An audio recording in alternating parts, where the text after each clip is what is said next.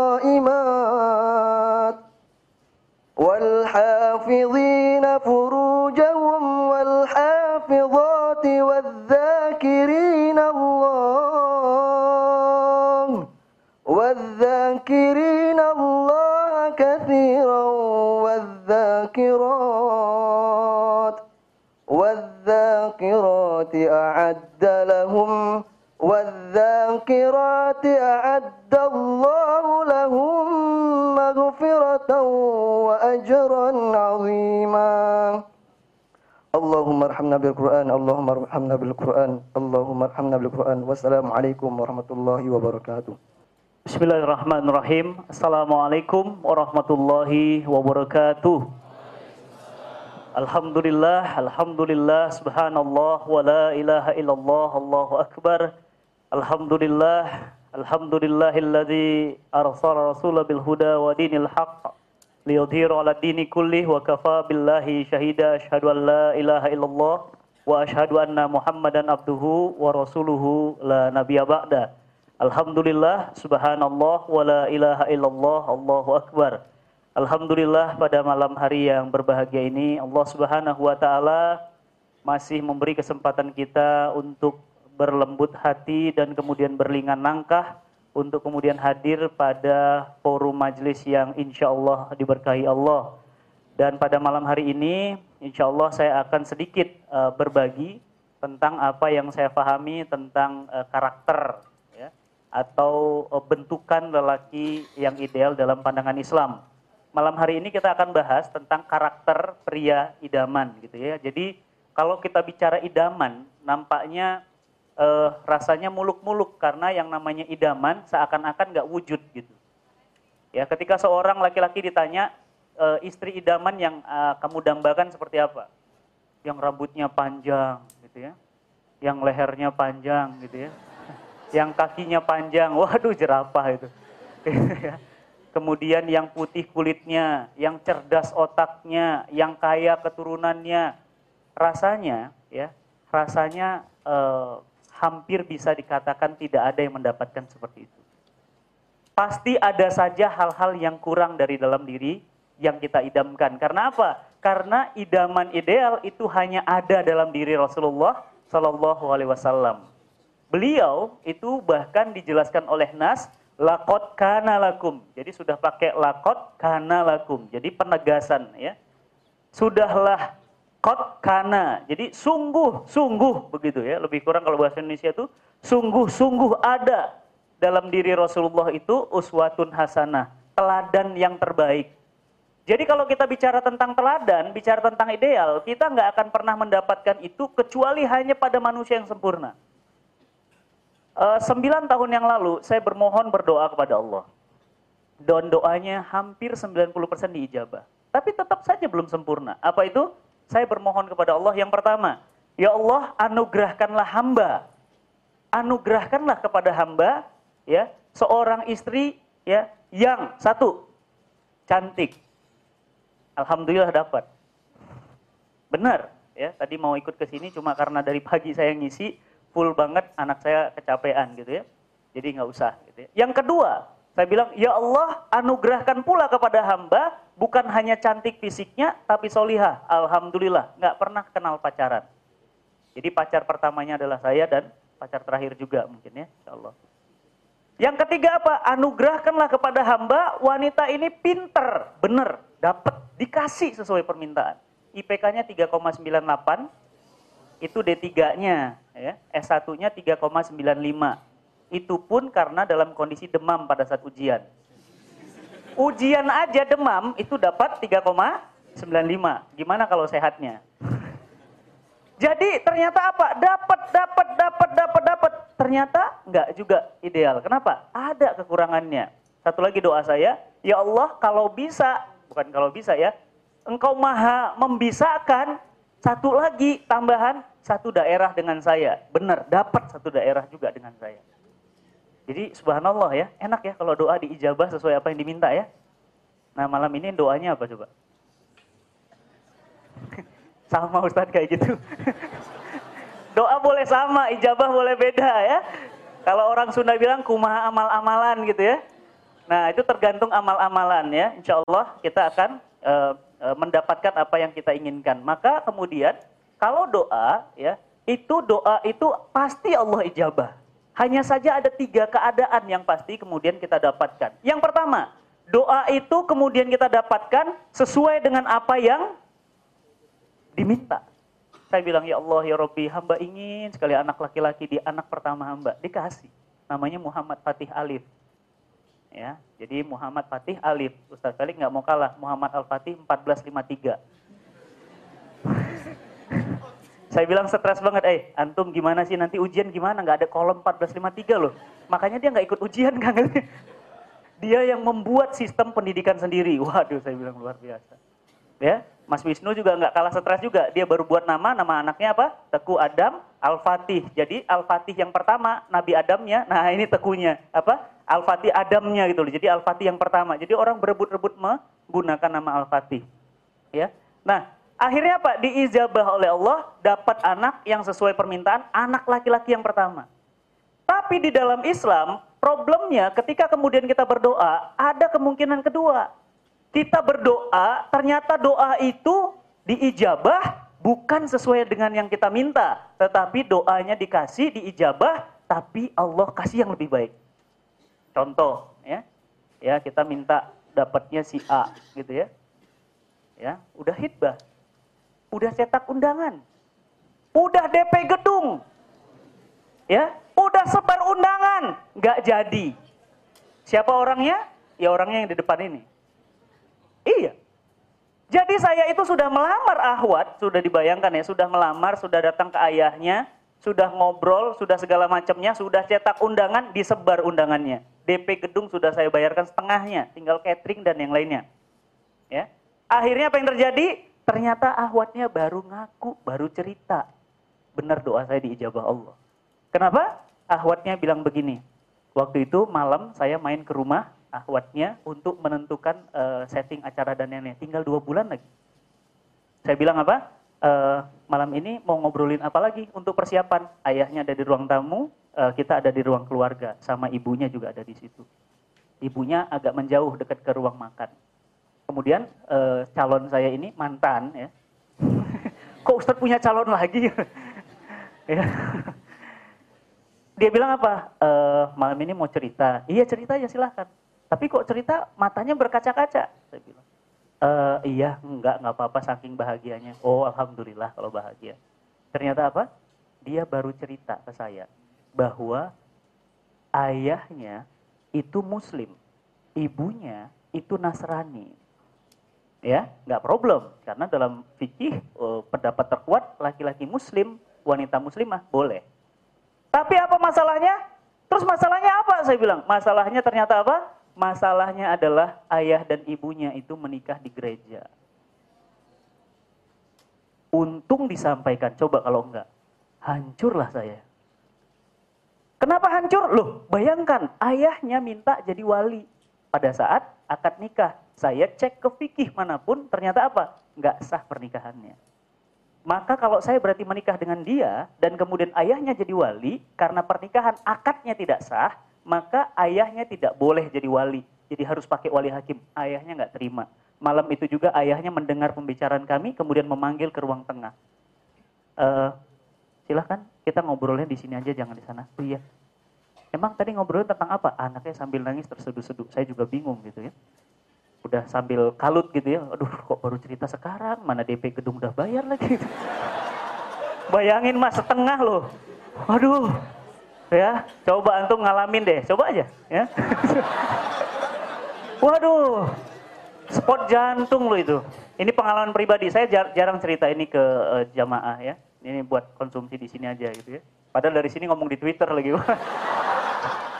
Wah, Ustadz Fatih di-mention lagi. Waduh, di-retweet lagi. Waduh, rame udah. Ya, nah jadi ternyata apa? Akhirnya si Ahwat ini terseduh-seduh di sini, ayahnya di sini di dekat meja, kemudian ibunya di belakang datang juga. Ibunya sih santai aja. Bapaknya bilang, "Emang kenapa?" Iya, dia sambil nangis cerita uh, uh, X gitu ya, X ngomong ke kakak bahwa gini gini gini gini. Lah terus masalahnya apa? Kata bapaknya. Ya saya jelaskan, Pak mohon maaf, saya nggak tahu cerita ini bakal begini kalau saya sebagai laki-laki, saya tahu cerita ini, mungkin saya nggak sejauh ini. Loh, emang kenapa? Dia kan anak saya. Betul, memang anak bapak. Yang bilang anak saya siapa? gitu kan? Akhirnya dia bilang apa? Loh, terus problemnya apa? Problemnya ketika bapak nikah itu, akadnya itu akad Islam, maka sah nikahnya. Karena laki-laki muslim, wanita muslimah sah pernikahannya. Ya, kecuali dibalik.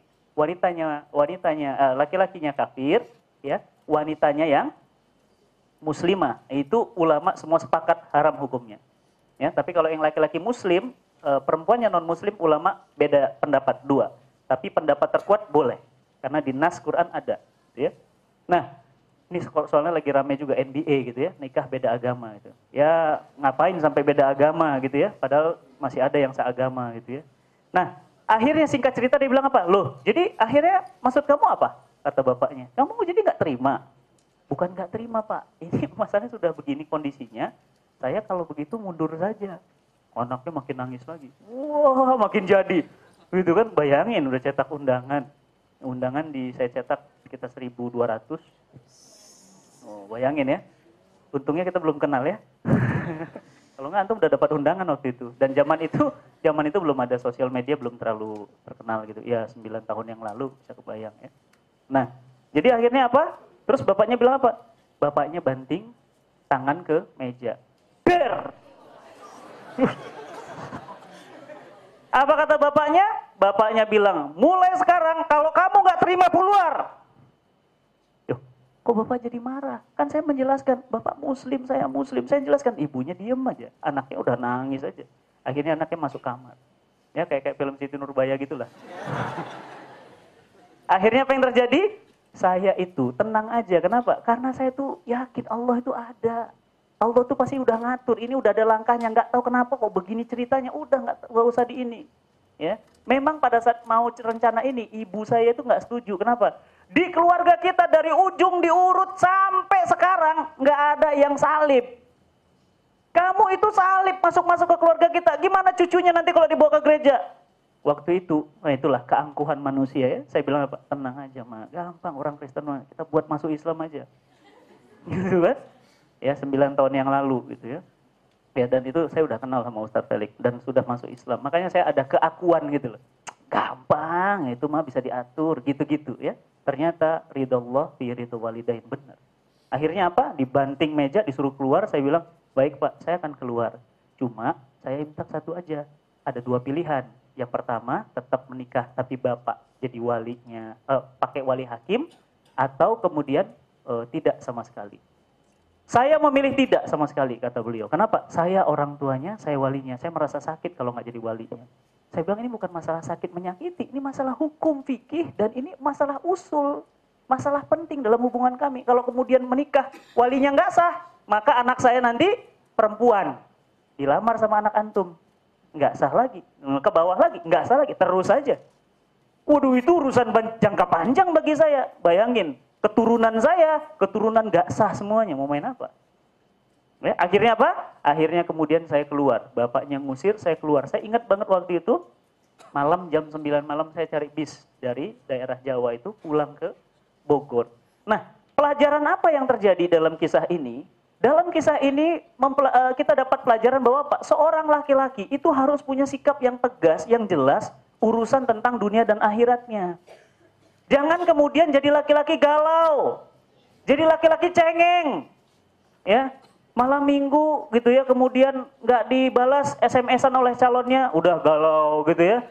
Udah nge-tweet gitu ya nge-tweetnya juga waduh nggak karu-karuan gitu ya. Orang bacanya malas unfollow langsung gitu kan.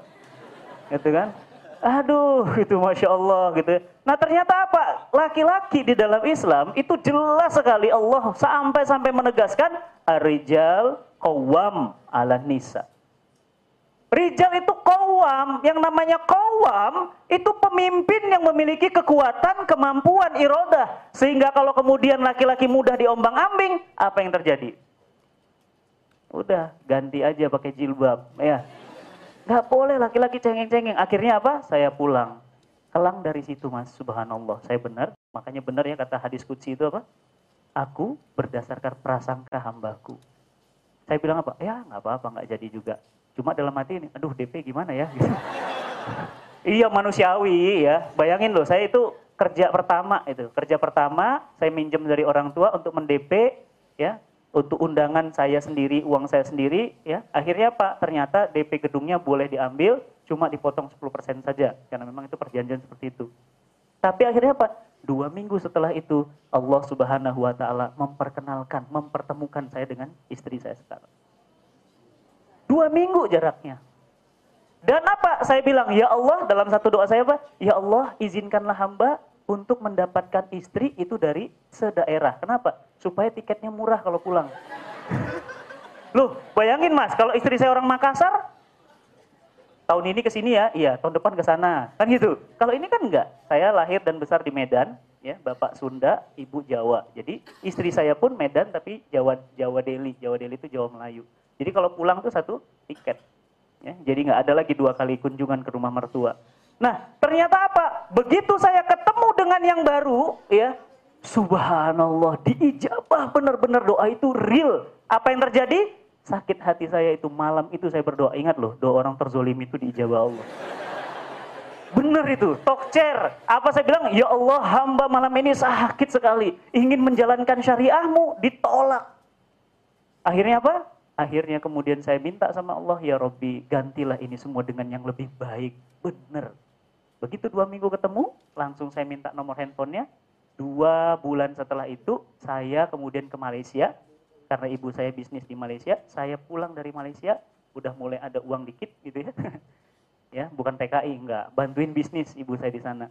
Pulang langsung saya telepon si Ahwat ini yang sekarang jadi istri saya.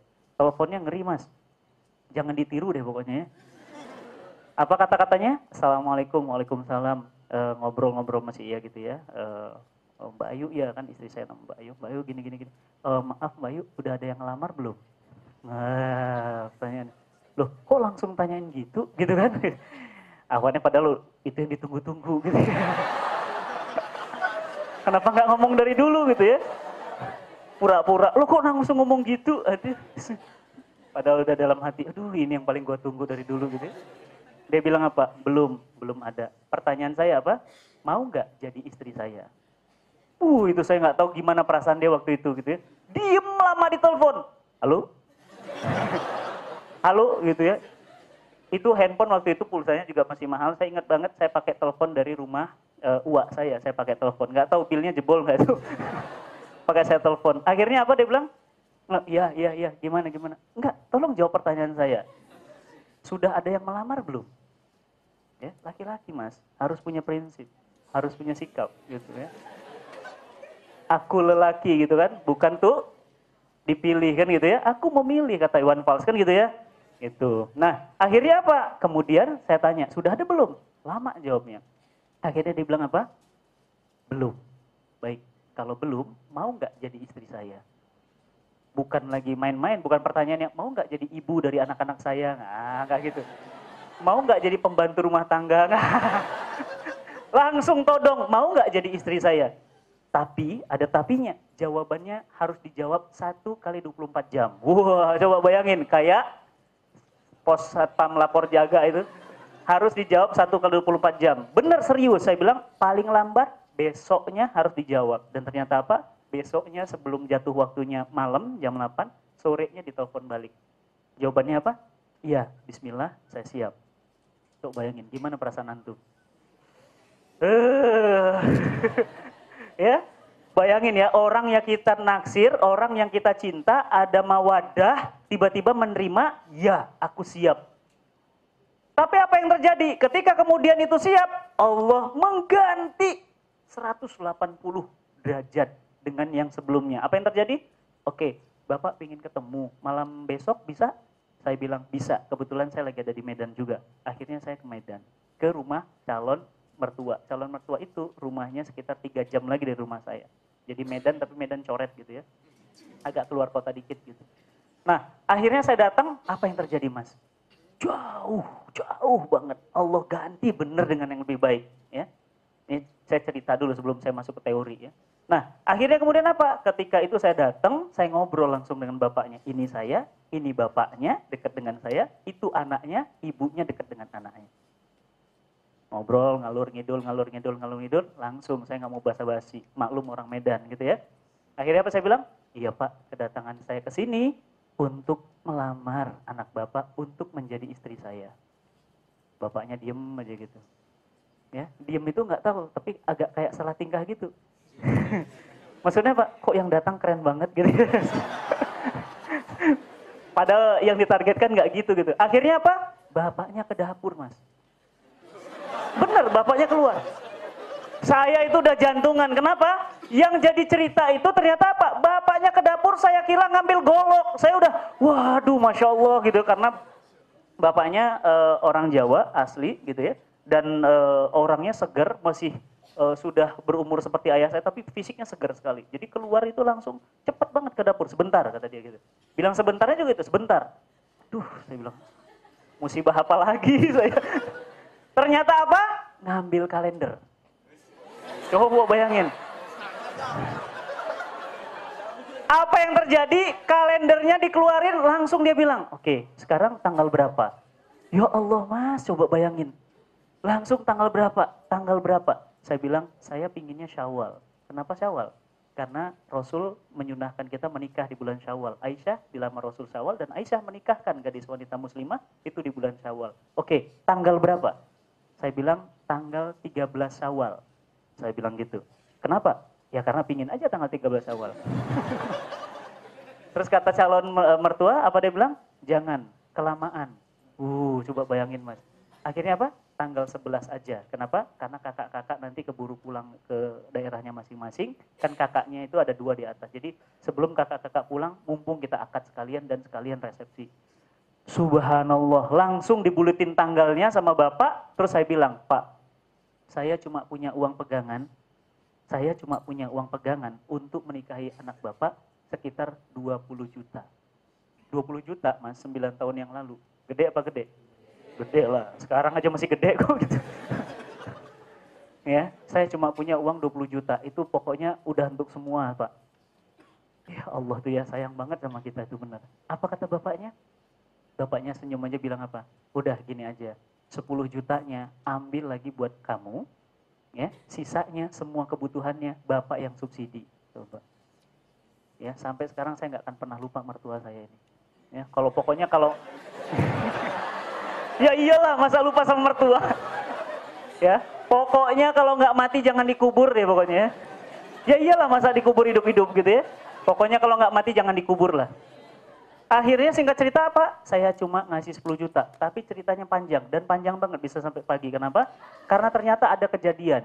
Intinya, intinya aja saya cerita karena panjang ceritanya, tapi nanti nyambung ke materi. Intinya apa? Pada saat saya mau menyetorkan uang, ya, itu ternyata apa? Saya ditipu oleh sepupu saya. Yang sepupu saya itu janji ikut arisan. Tahu arisan ya? Jadi kita nabung sejuta sebulan 500 sebulan nanti, kata dia, kalau kamu mau dekat tanggal pernikahan, nggak usah ikut nomor kocokan. Jadi kamu bisa langsung ambil tanpa bayar uang buku. Kenapa? Pokoknya ikut aja, ini ada 20 orang, sejuta sebulan. Saya kan terbang lagi ke Malaysia, bantu ibu saya bisnis di sana, dan saya oke, okay, akhirnya setuju dengan perkataan dia apa? Kapan kamu butuh untuk nikah, kamu boleh ambil, ada 20 orang kali sejuta, berapa? 20 juta. Dari situlah saya berani ngelamar. jadi jadi bukan 20 juta aman di tangan ya. Subhanallah. Memang dasar laki-laki gitu ya. Nah itu nanti nyambung ke materi gitu ya. Akhirnya apa? Akhirnya saya diuji ya oleh Allah Subhanahu wa taala. Ternyata apa? Satu bulan sebelum saya mau menikah, keluarga udah cemas, mau hantaran. Jadi hantaran keluarga resmi, kan tadi hitbah sudah, sekarang hitbah nggak resmi, jadi keluarga ke keluarga, nganter biasa ya, bingkisan segala macam. Ayah saya telepon, gimana? Kok belum ditransfer? Yang terjadi apa? sepupu saya, sepupu saya yang janji itu, dia bilang apa? Lo nggak bisa gitu, bisa ngomong nggak besarkan nomor cabutan? Nggak mungkin, ya harus ikut nomor cabutan. Loh kak, dulu kakak pernah bilang bahwa kalau kemudian saya mau nikah, saya bisa ngambil uang. Karena kakak waktu itu ngomong seperti itu, saya mau. Kalau tahu begini, mendingan saya nabung di bank. Ya enggak? Sejuta, sejuta. Kapan saya perlu, saya ambil. Karena kakak mau ngomong begitu, makanya saya ikut. Kenapa? Karena saya nggak punya uang. Tinggal uang 20 juta yang nggak pasti itu kan gitu. Nah, agar saya pastikan main arisan. Dia bilang nggak bisa. Nggak bisa, pokoknya nggak bisa. Harus ikut nomor cabutan. Kalau nggak nggak dapat rezeki ya udah. Akhirnya apa? Dikocok lah uang itu. Ternyata apa? Dapat orang lain. Dan benar sebulan sebelum itu bingung saya. Saya harus transfer uang 20 juta waktu itu, sementara saya uang waktu itu nggak ada. Singkat cerita, ternyata apa? Salah satu jamaah saya itu ternyata adalah CEO-nya Telekom Malaysia. Kalau di Malaysia itu ada TM, ya. Telekom Malaysia. Kalau ada film Upin Ipin, ah, pernah lihat ada TM itu telekomnya mereka. Ternyata CEO-nya itu adalah salah satu jamaah saya. Dua minggu menjelang, keluarga saya sudah semakin panik. Kenapa? Sudah dua minggu berjalan, uang nggak ditransfer juga. Alasan saya, saya bilang, bentar, nanti, bentar, nanti, bentar, nanti. Udah dua minggu, akhirnya ayah saya marah. Ini gimana, kamu serius mau nikah nggak? Udah tinggal dua minggu lagi, uang nggak ditransfer. Akhirnya saya bilang, udah ya, insya Allah besok. Itu hari uh, ah, uh, Sabtu. Saya bilang, besok.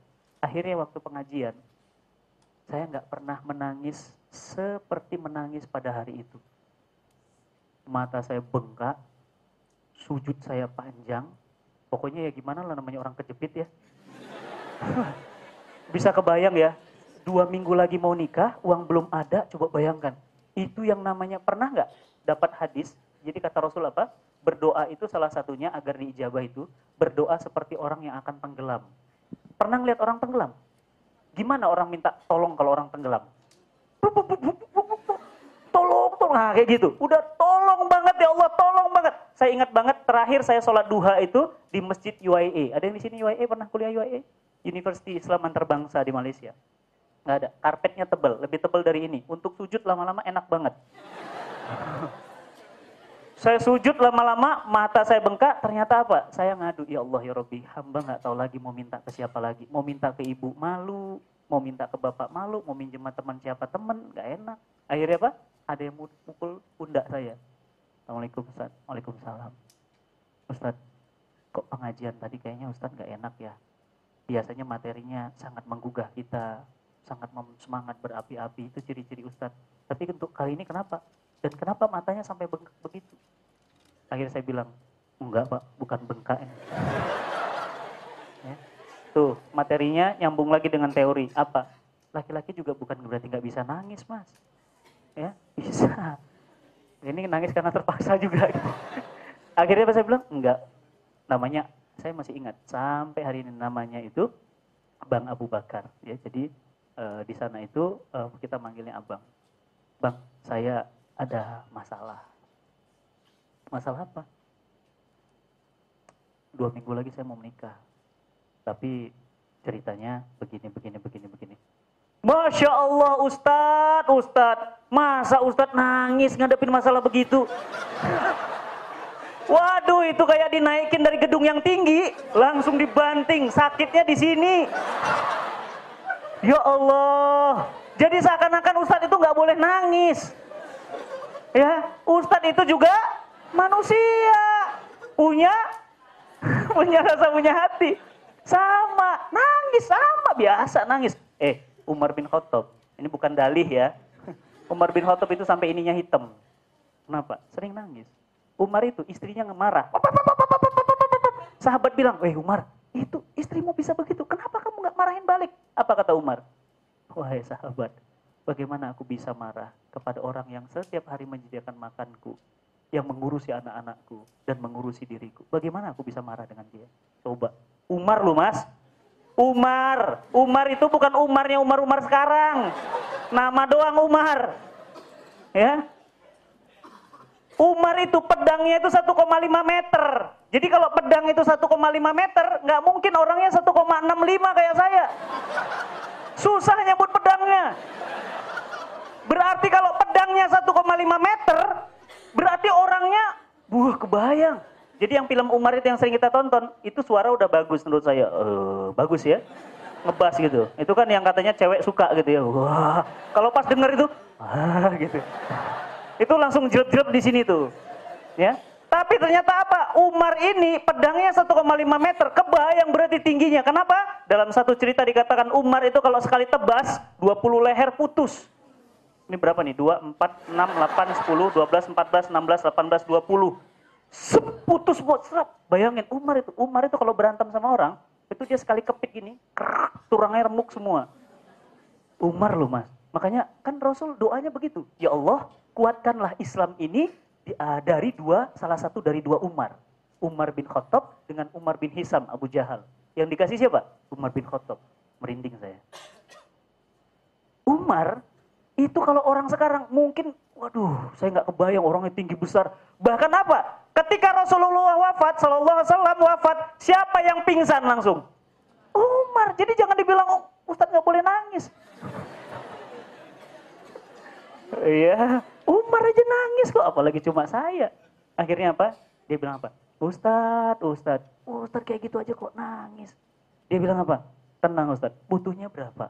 Uh, ya, Allah tuh kalau ngasih jalan, butuhnya berapa? Ah, serius, Bang. Loh, iya. Butuhnya berapa? Gini, gini, gini. Besok Ustadz datang ke office saya. Ya, hari Isnin besok jam 9 pagi datang ke office saya. Tolong ya, tolong datang bawa satu orang. Untuk apa? Pokoknya bawa satu orang. Saya nggak ngerti. Akhirnya apa? Saya datang. Begitu saya datang, Ustadz butuhnya berapa?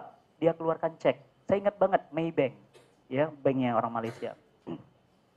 Ustadz tulis, disuruh tulis sendiri mas. Coba bayangin, tulis butuhnya berapa? Saya cuma butuh 20 juta. 20 juta berarti berapa ringgit? Uh, waktu itu sekitar 8 ribu ringgit. Saya tulis 8 ribu ringgit di Eja. 80 ringgit Malaysia. Sahaja. Gitu. Kalau orang Malaysia buntutnya harus pakai sahaja gitu ya. saja maksudnya gitu ya, sahaja. Nah, sudah? Dia bilang, Ustadz yang benar ini katanya. Iya. Nggak perlu saya tambahin nolnya satu. Wih, coba bayangin.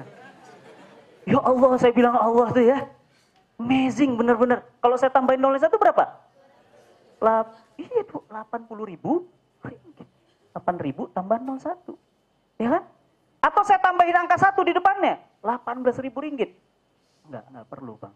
Saya cuma perlu 8 ribu ringgit. Oke, tanda tangan. Tanda tangan, udah beres semuanya. Oke, uh, ini saksinya. Bang, bentar, ini akadnya apa? Ini akadnya apa? Yang buat saya kaget dan mau pingsan, bukan pinjaman. Dia bilang apa? Hibah. Coba bayangin. Fahuwa hasbu. Butuhnya 20 juta, dikasihnya hasbu. Cu, cukup. Pas banget, dikasih 20 juta. Saya merinding kalau kisah ini. Akhirnya apa? Akhirnya saya pulang, kemudian saya nangis, saya peluk ibu saya dan saya cium kakinya, saya minta maaf karena kesombongan saya dulu pernah melamar anak orang Nasrani. Saya bilang, ma maafkan saya, ma maafkan saya, maafkan saya. Waktu itu saya dengan angku, saya bilang gampang orang Kristen dan ternyata saya nggak bisa apa-apa kecuali dengan pertolongan Allah. Akhirnya saya bilang, ibu saya bilang, itu makanya. Wah, namanya mama itu ya. Mama udah bilang, kamu memang hebat, memang pinter, kamu didengar oleh banyak orang, tapi ini ibumu. Wah, gitu ya. Udahlah, saya udah nggak bisa apa-apa. Akhirnya saya transferlah uang itu. Ditransfer kepada siapa? Ditransfer kepada keluarga 20 juta diberesin oleh keluarganya semua. Akhirnya selesailah semuanya dan sekarang saya bisa ketemu dengan teman-teman malam ini di sini. Dari cerita itu semua, lantas kita ingin bertanya, apa yang membedakan laki-laki dengan perempuan? Apa yang membedakannya? Ya banyaklah bedanya, gitu ya. Ya kan? Banyaklah bedanya. Makanya malam ini saya tidak akan bahas tentang gendernya tentang laki-laki perempuannya, tapi saya bahas tentang karakternya. Kenapa? Karena kalau kita lihat dari Sirah Nabawiyah, yang namanya laki-laki dan perempuan di zaman itu, subhanallah, hampir-hampir tiada beda. Kenapa? Sama-sama militannya, sama-sama taatnya, sama-sama takwanya. Bayangin, dahsyat mereka. Mereka itu sampai cemburunya bukan cemburu apa-apa. Mereka cemburu, laki-laki dikasih jihad kok kami enggak, coba bayangin. Kalau perempuan sekarang, enggak, boro-boro jihad gitu ya. Pakai jilbab aja tunggu jilbabin hati, bayangin. Karena jilbabin hati dulu ya. Nah, ntar deh kalau udah pulang umroh, ntar deh kalau udah nikah, beda. Nah, oleh karena itu kalau kita lihat, ya, ternyata laki-laki dalam Quran, ya, ini kemudian memiliki satu keunikan khas dibandingkan pandangan-pandangan orang terhadap laki-laki. Dalam pandangan Islam, laki-laki itu adalah kawam. Yang namanya kawam itu adalah leader, pemimpin. Yang namanya pemimpin, dia harus bisa membimbing, dia harus bisa memimpin. Bagaimana caranya dia agar bisa memimpin? Berarti dia harus punya pemahaman tentang Islam. Ya, kalau dia tidak punya pemimpin, pem, pembinaan atau dia tidak terinstal Islam secara utuh, bagaimana dia mau jadi imam bagi istrinya, anaknya, keluarganya? Karena apa? Karena laki-laki itu nanggung istrinya, adik perempuannya, ibunya, dan siapa? Anak perempuannya, anak-anaknya. Bayangin loh, bebannya berat. Makanya dikatakan apa? Tulang punggung, bukan tulang rusuk. Berat loh tulang punggung. Makanya kenapa di dalam Islam Rasul mengatakan apa? Ada dosa yang sholat, saum, haji tidak bisa menghapusnya. Ada dosa yang sholat, saum, haji tidak bisa menghapusnya? Tidak. Lantas apa yang bisa menghapusnya ya Rasulullah? Bekerja mencari nafkah yang halal. Untuk siapa itu? Untuk keluarganya. Hadis ini kepada siapa? Laki-laki. Bukan kepada mereka. Makanya zolim kalau perempuan itu disuruh kerja. Mi, kayaknya Umi bakat deh. Kenapa? Umi kan pinter. Coba kalau kerja di bank, kayaknya hebat deh. Coba kalau kerja di perusahaan minyak, lumayan loh. Terus suaminya apa? Ya gantian lah, aku yang ngepel, aku yang nyuci. Ya. Tulang rusuk jadi tulang punggung, tulang punggung jadi tulang rusuk, kebalik-balik. Sekarang ada itu, lagi musim, tren, lagi tren, laki-laki ngurusin rumah. Istrinya kerja, ini jam-jam nanti kita pulang kereta itu jam setengah 12 masih banyak perempuan bergantung. Bahkan kereta terakhir jam 12 masih banyak perempuan baru pulang kerja. Suaminya udah pulang belum? Insya Allah di rumah. Jadi makanya perempuan lebih lambat pulangnya daripada laki-laki. Nah, oleh karena itu kalau pria sudah terinstal Islam, maka seluruh karakter yang diajarkan Islam nyatu dalam dirinya. Coba bayangkan. Karakter kasih sayang Islam mengajarkan. Karakter romantis, coba lihat Rasul. Rasul itu minum itu bekas gelas minumnya istrinya. Jadi kalau bekas minumnya di sini, di situ minumnya. Bukan cari gelas lain, oh, ganti-ganti bau. minumnya itu dari bekas gelas istri, coba bayangkan. Rasul itu, waduh lembut banget. Sampai ada tiga orang sahabat, tiga orang sahabat ini mengimbangi, ingin mengimbangi ibadahnya Rasul.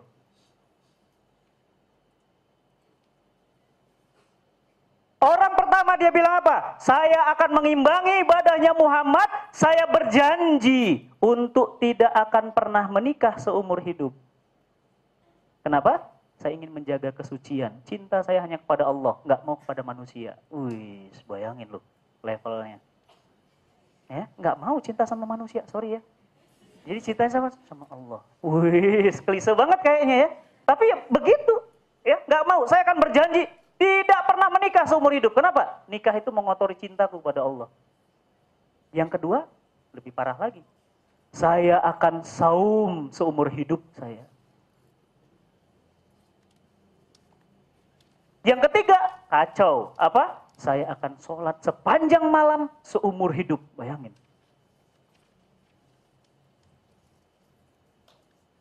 Apa kata baginda sallallahu alaihi wasallam? Mendengar ini semua lantas Rasul marah dan Rasul wajahnya memerah dan pada saat khotib Rasul mengatakan apa?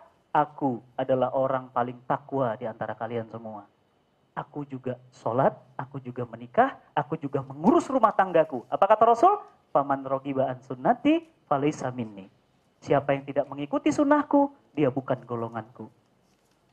Artinya apa? Laki-laki yang hebat, laki-laki yang ideal itu bukan berarti kemudian tidak menikah.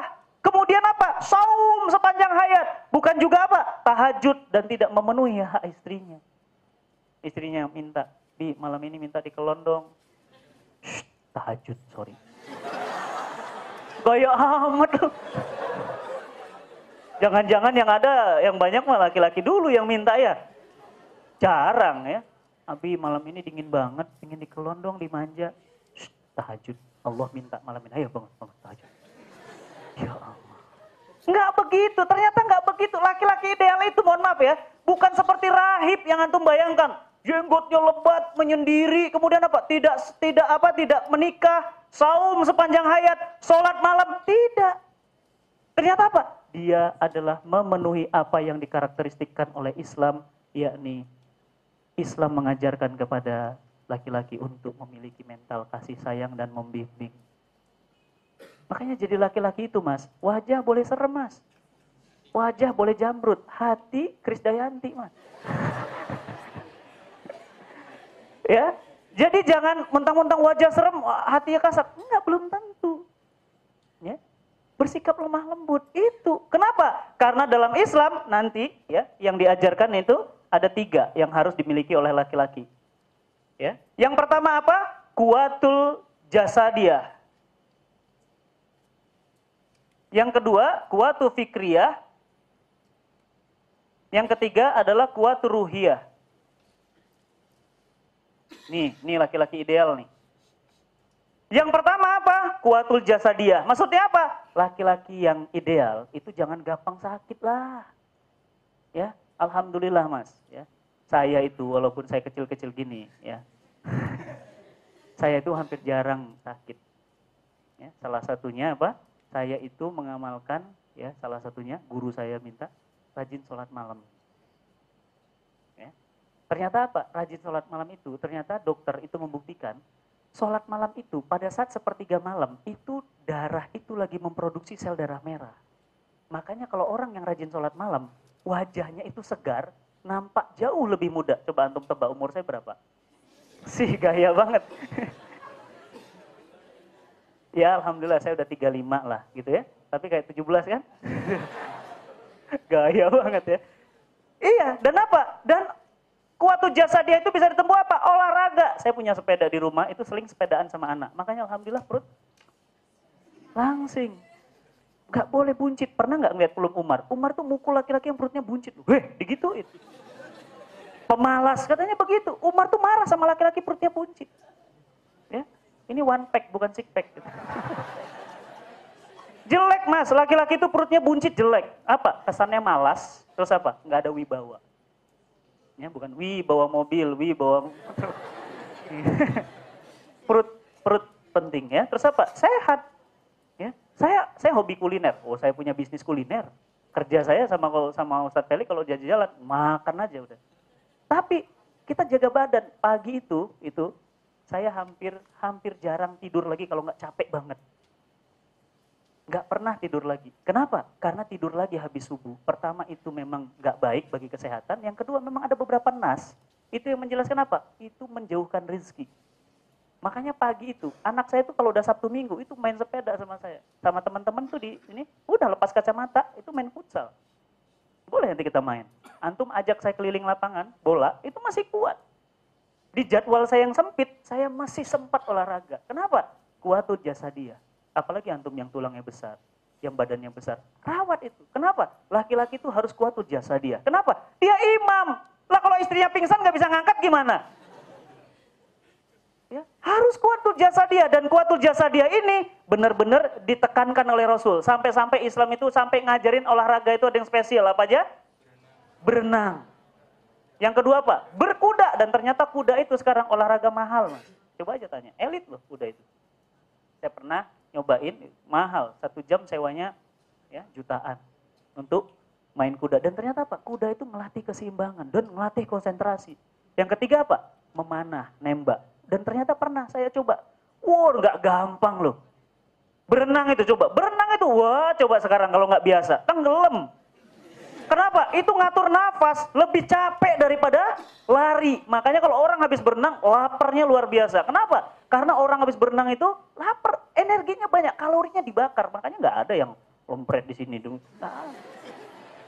Ya, nggak gemuk, nggak gemuk, nggak juga kurus itu loh, tapi proporsi gitu, tinggi badan sama itu proporsi. Nah itu kuatul jasa dia. Ini penting bagi laki-laki. Kun penting, kenapa? Karena kuatul jasa dia, ini kaitannya dengan fisik. Ah, fisik mah nggak penting. Kata siapa fisik nggak penting? Gimana kalau kemudian ada idat jihad, permintaan jihad? Aduh, gawat. Saya aja sebenarnya masih diketawain kalau ketemu ustadz-ustadz. Kayak sahabat saya, lebih ideal lagi. Ustadz Bakhtiar Nasir, Ustadz Fadlan Garamatan, coba lihat fisiknya. Itu baru kuatul jasa dianya. Istilahnya kalau jihad enak itu ngangkat M16. Kalau saya, M16 yang ngangkat saya. Ya. Pas nembak begini udah berat. Bayangkan mas. Jadi harus kuat jasa dia. Saya kalau ketemu Ustaz Fadlan tuh malu. Ngomongnya gini, ya Ustaz. Tinggi besar mas. Saya deket banget sama Ustaz Fadlan. Seingat saya nomor sepatunya saja 45. Saya aja 39. Wah kayak sepatu cewek Ustaz. Iya saya 39 40. Ya tulangnya kecil. Dia memang ada orang kan ya jenis tulang kecil tapi ada yang sehat. Ustaz Yusuf Mansur itu sehat. Ya, ya tingginya lebih kurang. Ya cuma rezekinya lebih banyak dia gitu ya. Jadi apa namanya? Yang penting apa? Kuatul jasa dia. Nggak harus berotot, nggak harus apa body body uh, body uh, apa namanya bodybuilder. Tapi apa? Kuatul jasa dia. Jangan ngaji dikit-dikit kena hujan, flu. Hacim, hacim. Ya Allah laki-laki. Gitu ya. Kena hujan dikit bersin gitu kan. Kena debu dikit, wah bersin. Besok nggak ngaji. Kenapa? Aduh Ustaz sakit badan saya. Bahkan sekarang anak-anak laki-laki banyak itu apa? Asam urat mas saya bilang kemarin, eh mas, saya paling hobi kambing. Jadi saya makanan hobi saya itu kambing. Saya bilang, Rasul kan kesukaannya kambing ya, kambing pahanya paha paha belakang. Dan orang Arab, saya pernah nemenin teman saya, orang Arab, orang Timur Tengah, itu makan kambing itu satu paha sendiri. Saya bilang, saya bilang ya, dengan bahasa Indonesia, saya bilang, e, kita kaget, kenapa antum bisa makan paha satu paha satu orang? Dia bilang apa? nggak perlu kaget. Di kampung kami ini biasa. Seperti kamu makan paha ayam satu. Bayangin mas, satu paha sendiri, blek, blek, blek. Ya iya perutnya juga gitu, orangnya juga tinggi-tinggi besar-besar. Memang beda. Ya, dan apa? Ternyata kuatul jasa dia ini penting. Gimana untuk mau cari nafkah banyak? Kalau dikit-dikit sakit, dikit-dikit sakit, dikit-dikit sakit. Nggak bisa. Jadi bukan masalah kekar tegapnya, sehatnya. Saya itu ya kalau bisa tanya sama istri saya, udah hampir 10 tahun nikah, tanya, kayaknya sih ingat saya, saya nggak pernah gitu. Ya Masuk rumah sakit, ketemu sama dokter. Kenapa? Ya pola hidupnya. Makan, pola makan, pola tidur. Saya capek, ini seharian ngisi. Besok jam 9 ngisi lagi. Besok tiga hari lagi. Besok siapa di sini yang ikut KDI saya di Tebet tuh ada jamaah saya di sini. Tebet itu besok dari pagi, eh, dari siang sore, sore ngisi lagi, malam ngisi lagi. Sehari itu saya bisa empat kali ngisi. Coba antum, coba deh ikutin jam terus apa? Uh, saya ngisi dua jam, dua jam, dua jam, dua jam, delapan jam sehari. Itu yang masih sedang. Pernah satu kali satu hari, bahkan sering saya satu hari itu sampai enam kali ngisi. Jam 8 sampai jam 12 itu ngisi, ngisi lagi, istirahat asar, ngisi lagi, habis isya, ngisi lagi. Jadi tidurnya kapan? Ya di sela-sela Ya, sambil kemudian nunggu di bandara, di boarding, tidur sebentar. Di, di, di pesawat tidur, coba orang kurang tidur sebenarnya. Jadi kalau orang tidur 8 jam, terlalu kata saya. Kenapa? Bayangkan kalau dia tidur 8 jam sehari itu 24 jam. Berarti apa? Sepertiga hari dipakai untuk tidur. Itu baru tidur yang di atas kasur. Belum yang di kereta belum yang di kamar, belum yang di, Masya Allah, bayangkan. Jadi kalau umur kita 60 tahun, sepertiganya berapa? 20 tahun. Dipakai untuk tidur. Makanya Rasul itu kan tidur cuma 2 jam, 3 jam. Sehat. Karena tidur, itu kalau lagi capek banget mas. Uh itu enak banget. Lep, ser, seger gitu. Tapi kalau kita 8 jam bangun, itu mata tuh perih. Kenapa? Kebanyakan tidur, bahkan lengket. Kenapa? Kebanyakan tidur. Kurangi tidur. Kenapa? Karena tidur banyak itu, itu merusak jasa dia.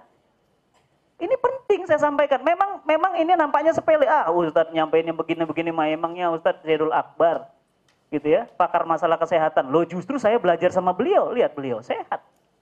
Ya, saya saya berguru juga tentang bekam, tentang herbal ke beliau. Sehat, nggak pernah dok. Beliau dokter, ya dokter. Ya. Dan saya punya banyak teman dokter bilang sehat banget pola hidup herbal itu sehat.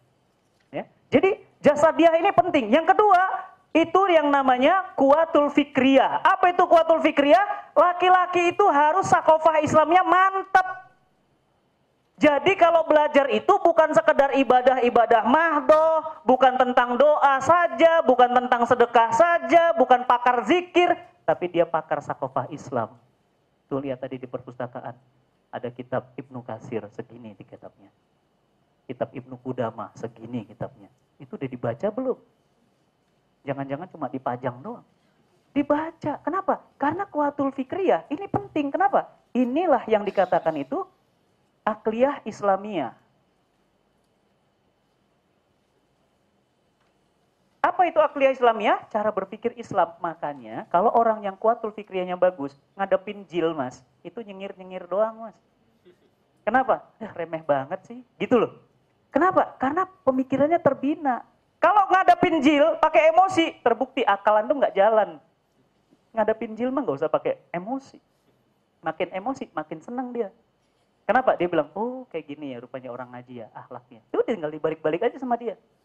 Makanya kalau ngadapin jil itu, afkar lawan afkar. Nah kalau afkar kita nggak mampu, habis kita. Makanya afkar harus kuat. Berarti apa? Berarti harus dibina. Berarti harus apa? Ngaji.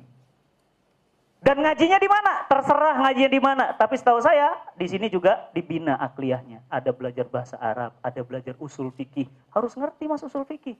Jangan tiba-tiba orang loh kok ada kobra Jumat ya? Ini ada nggak kobra Jumat? Kobra Jumat ada nggak sih? Ah nggak ngerti, gitu kan? Ada wudhu, ada kemudian sholat Idul Adha. Sholat Idul Adha itu gimana? Apakah boleh nggak perbedaan Idul Adha? Seperti apa? Nah itu fikriah semua, cara berpikirnya harus kuat Makanya para sahabat itu zaman dulu itu cerdas-cerdas luar biasa. Pernah di satu kisah dikatakan apa? Ketika uh, Umar berangkat meninggalkan Rasulullah, lantas Ali datang dan Rasul menyampaikan surat At-Taubah. Kemudian Ali, Rasul katakan apa? Ali tolong sampaikan Quran surat At-Taubah kepada Umar bin Khattab. Bayangin, masuk diinstal semua, langsung nyampe lagi. Bayangin cerdasnya. Artinya apa? Laki-laki itu harus cerdas. Jasadnya bagus, otaknya cerdas. Kalau orang otaknya cerdas, berarti apa? Berarti inputnya cerdas. Nggak mau mas, ngerusak-ngerusak otak tuh nggak mau. Itu merusak fikria. Apa itu? Mohon maaf ya, ngedownload yang porno-porno. Itu merusak otak. Bahkan saya baru belajar dari Eli Risman, dia bilang apa? Ada sel-sel otak tertentu yang itu betul-betul dirusak ketika kemudian mendownload konten-konten seperti itu. Makanya kalau orang yang cerdas, hafalannya bening mas. Kaitannya apa lagi? Kaitannya apa? Makin dia bening hafalannya, makin dia menjaga agar yang menghancurkan hafalannya dia nggak mau deketin. Ya, makanya saya kalau ada ikut KDI dengan saya itu ada tugas hafalan. Satu kali pertemuan hafalannya bisa sampai dua ayat, tiga ayat, bahkan empat ayat. Kalau nggak bisa hafal, nggak boleh masuk. Mesti mending saya sama guru saya satu ain itu minimal satu ain. Antum lihat satu ain? Satu ain ke ain berikutnya coba lihat panjangnya. Kalau masuk nggak hafal, nggak boleh masuk. Bayangin, nggak sempet ngedownload-downloadnya nggak perlu nggak sempet. Mikirin begituan nggak sempet. Kenapa? Uh, bayangkan pola pola ngisi, pola ngaji. Bayangin dan saya mulai ngaji itu dari tahun 97 sampai sekarang 15 tahun. Belajar usul fikih, ulumul Quran, ulumul hadis, ya. Makanya Imam Syafi'i itu dahsyat banget ya. 7 tahun itu sudah hafal 30 juz, 12 tahun sudah jadi mustahid. Ya, bahkan Imam Syafi'i itu, itu kitab Al-Muwatta, jilid 1 2 tebelnya segini, hafal semua isinya. Wah, beningnya otak kebayang, tebel. Pada saat kemudian dites oleh gurunya, wah ya Syafi'i, coba silahkan jelaskan kepadaku kitab Al-Muwatta jilid 1. Apa kata Syafi'i? Masya Allah Imam, lupa semua. Innalillahi. Kenapa? Tadi aku di pasar, ada angin bertiup sangat kencang, sehingga tersingkaplah betis seorang wanita terlihat olehku. Terlihat loh, bukan sengaja ngelihat. Tak terlihat, yang namanya terlihat gimana? Tak gitu loh, bukan. Itu bang ngelihat. Beda loh mas, terlihat olehku, tidak sengaja terlihat olehku betis. Jadi dia baru tahu, oh itu namanya betis gitu. Masya Allah ya, bening banget, nggak pernah lihat betis. Akhirnya apa? Begitu dites, langsung blong, hilang. Subhanallah. Dan ternyata benar, makanya kenapa kemudian uh, para hufaz, para hafiz, ya, uh, teman-teman saya itu sangat menjaga hafalannya. Sahabat saya, guru saya, Ustadz Zamroni Ahmad, guru bahasa Arab saya, itu kalau kemudian jalan, jalan dia naik angkot, di angkot itu depannya perempuan semua, dia turun itu, ya dia bayar ongkos pasti ya. Tapi dia turun apa? Dia langsung qad aflahal mu'minun allazina hum fi salatihim khashi'un wallazina hum 'anil muridun alif lam mim zalikal kitab. Tes hafalannya lagi, takutnya hilang. Coba bayangin. Kenapa? Karena kata Rasul, hafalan Quran itu lebih mudah lepas daripada unta dari ikatannya. Jadi otaknya cerdas, otaknya bening. Dan itu bisa didapatkan kalau terbina fikriyahnya. Belajar usul fikih, usul hadis, ulumul Quran. Jangan, aduh Masya Allah, gimana? Saya itu dipesanin sama guru saya aja. Apa kata guru saya? Wahai Fatih Karim, kamu harus jadi angin tornado. Saya ingat banget. Jangan jadi angin kentut. Tahu angin kentut? Mohon maaf nih. Kalau antum kentut, apa yang terjadi dengan lingkungan antum?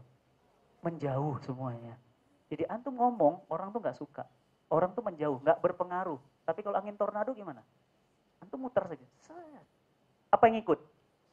Semua pohon yang tinggi pun tercerabut semua. Ikut rumah ngikut semua. Jadilah angin tornado. Lantas saya bertanya, Ustaz, kalau mau jadi angin tornado gimana? Berarti powermu harus ditambah. Gimana cara nambahnya? Banyak kamu makan sakofah-sakofah Islam. Sirah Nabawiyah, kuasai mas. Ini ya eh, apa namanya komik apa novel Laskar Pelangi segini khatam gitu ya. Kitab tafsir segini-segini nggak pernah dibaca, baca judulnya aja, uh pusing Ustaz. Ya, aduh. Gimana tuh? Jadi harus apa? Kuatul fikriyah. Pemikirannya harus cerdas, harus pinter. Kenapa? Loh kita ini laki-laki, kita ini pemimpin kalau kitanya blow on. Gimana sama perempuan malu? Saya tadi bareng sama Mbak Peggy ngisi di uh, Faiku. Mbak Peggy itu cerdas luar biasa, perempuan yang cerdas luar biasa. Beliau itu sekarang sudah hijrah total, total. Dulu beliau itu pemenang pemeras bir level Asia. Tuh bayangin. Jadi ternyata buat bir itu ada kontesnya. Nah pemenangnya juara satu orang Indonesia. Dia namanya Peggy Melati. Dia itu pernah naik mobil balap bersama keluarganya Tommy itu, itu sampai kemudian mobilnya pecah, guling-guling, beliau juga jago jam, banji jumping dari atas. Uh, ini perempuan apa laki-laki? Sekarang beliau tuh jadi Sri Kandi dakwah. Jam terbangnya coba lihat, padat luar biasa. Artinya apa? Ya jangan jangan sampai kita kalah sama perempuan kayak gitu gitu loh. Coba bayangin suaminya gimana?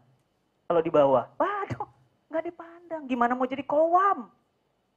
Nanti ada apa-apa? Bi, hukum syaratnya kayak gini-gini gimana? Waduh, nggak tahu ya. ya. Masya Allah, harus ngerti hukum syarat. Hukum syarat itu, Masya Allah, hubungan kita dengan Allah. Hubungan kita dengan diri kita sendiri, hubungan dengan sesama kita, sistem ekonomi, sistem politik, sistem hukum, sistem budaya, belajar itu semuanya. Jadi nggak cukup jasadnya bagus, tapi otaknya koplok. Otaknya bagus, fisiknya sakit-sakitan gimana? Ya, Ustadz pengajian hari ini ada. Gak ada afwan, tadi malam kena hujan. Ya, tuh Ustadz memang dahsyat, uh sakofahnya. Tapi apa? Sakit-sakitan. Ya, jadi gimana? Jasa dianya bagus, akliahnya bagus. Yang terakhir apa? Ruhiyah. Apa itu ruhiyah? Kesadaran hubungannya dengan Allah kuat. Ini bagaimana cara ngelatihnya? Kalau ini tentang akliyah Islamiyah, ini belajar. Ini adalah olahraga, kesehatan, makanan, pola hidup, ya, maaf, pola hidup, ini tulisan dokter ya. Akliyah Islamiyah dengan belajar, ini dengan seperti ini. Nah, fikriyah itu, uh, ini caranya, ruhiyah, ini dengan banyak amal-amal sunnah. Nah, ini di sini. Oh, laki-laki ya harus rajin tahajud, harus rajin duha. Duhanya jangan dua, itu menghina. Itu dua, dua pemalas, dua. Dua belas mas. Aduh Ustaz capek Ustaz. Ya itu tadi makanya saya bilang nggak bisa. Dua belas itu yang yang levelnya yang spesial itu. Ya dua belas gitu. Ya belum itu baru duhanya mas, belum sholat wudhunya. Ya belum sholat tasbihnya, sholat tasbih. Bayangin tiga tiga tiga tiga tiga tiga tiga tiga tiga. Terus bayangin Ya 33, 33. Itu kalau nggak, Masya Allah. Tahu nggak, Ibnu Mas'ud, itu sholatnya sampai burung pipit itu hinggap. Berarti kalau burung pipit hinggap, dikira burung pipit itu apa? Patung. Ya Allah, itu gimana sholatnya? Ya jangan dibayangkan hebatnya sholat para sahabat. Begitu gini, burung pipit hinggap. Celok. Kalau kita gimana sholatnya? Boro-boro burung pipit hinggap. Baru dilihat gitu ya, Loh, udah, udah, udah. Oh. Gitu doang, gitu doang. Apa katanya? Ngelesnya apa dia bilang? Eh, udah 30 tahun jadi orang Islam, masa Isa nggak hatam-hatam? Maksudnya cepet karena udah hafal gitu. Ya, subhanallah mas, rukunya bisa lama. Kenapa? Laki-laki, karena ada hubungannya dengan jasad. Coba kalau perutnya besar, susah. Ya, oh enak mas, kalau ibadah itu badan ringan tuh enak banget. Saya kemarin Ramadan itu bareng sama Ustadz Arifin Ilham, sholat di Azikro, itu satu malam satu juz. Kemarin di Masjid BI, tanggal malam 29, 29.30 kan saya mengisi di BI, itu tiga juz satu malam. Mantap. Ya, 28. Antum ikut? Antum ikut ya? Ada? 27, 28, 29. Itu kalau nggak kuat, apa? Asam urat, apalagi varises. Wah udah, karena kuatut jasa dianya nggak dijaga. Pola makan, pola tidur.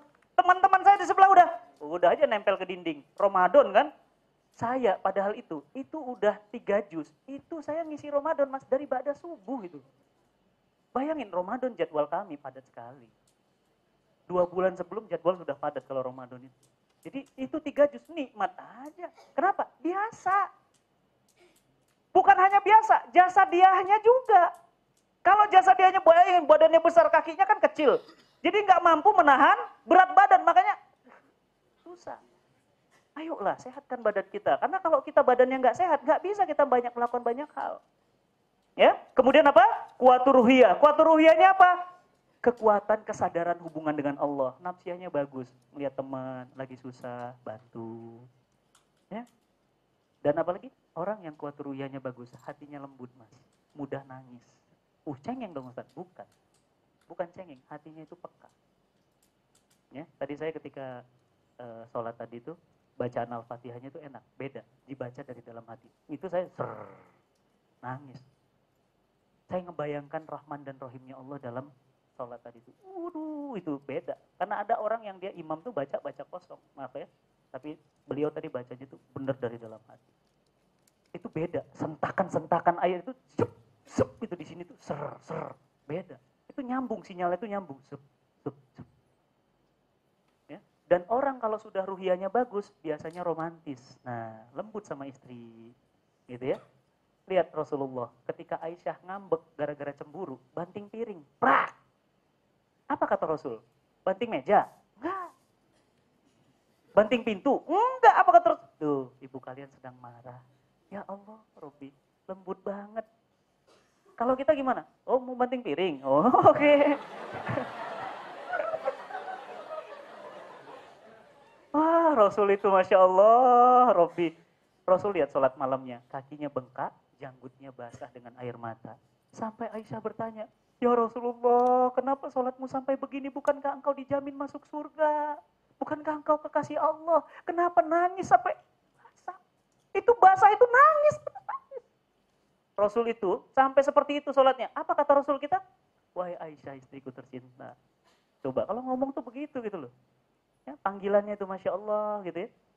Salahkah aku menjadi orang yang bersyukur? Coba. Ya Allah lembutnya. Ya, ke mana-mana sama istri itu digandeng, dipeluk. Kadang-kadang lagi nggak ada orang, dicium. Ya, kalau ada orang nggak boleh menampakkan di depan publik. Bahkan lembut banget sama istri. Bahkan apa? Bermanja-manja, tidur di apa pelukan istri di paha, di pangkuan. Itu bukti orang yang suami yang ruhianya tuh tinggi. Tinggi ruhianya, hatinya semakin lembut. Susah bentak-bentak istri, nggak ada. Boleh tanya istri saya sekarang masih hidup. Tanya aja, pernah nggak? ya, tanya aja deh, ya boleh. Curhat, tanya deh. Pernah nggak saya ngamuk-ngamuk? saya usahakan. Semarah apa pun saya paling saya suaranya tinggi. Udah gitu doang. Itu istri saya udah ngeri banget. Kenapa? Karena dia nggak tahu nggak pernah. Coba lihat laki-laki mentang-mentang ototnya besar. Main pukul. Wah giginya lepas ya mukul dinding gede ya kan Aduh ya Allah, kenapa? Mohon maaf, saya sedikit sharing lagi. Saya dibesarkan dari bapak dan ibu yang broken home Ya, bapak saya cerai, ibu saya cerai, bapak saya nikah lagi, ibu saya nikah lagi. Itu urusan bapak dan ibu saya. Tapi apa? Saya pernah merasakan bagaimana keluarga yang tidak harmonis. Saya dibesarkan dari kasih sayang lingkungan, bukan kasih sayang kedua orang tua, utuh seperti antum.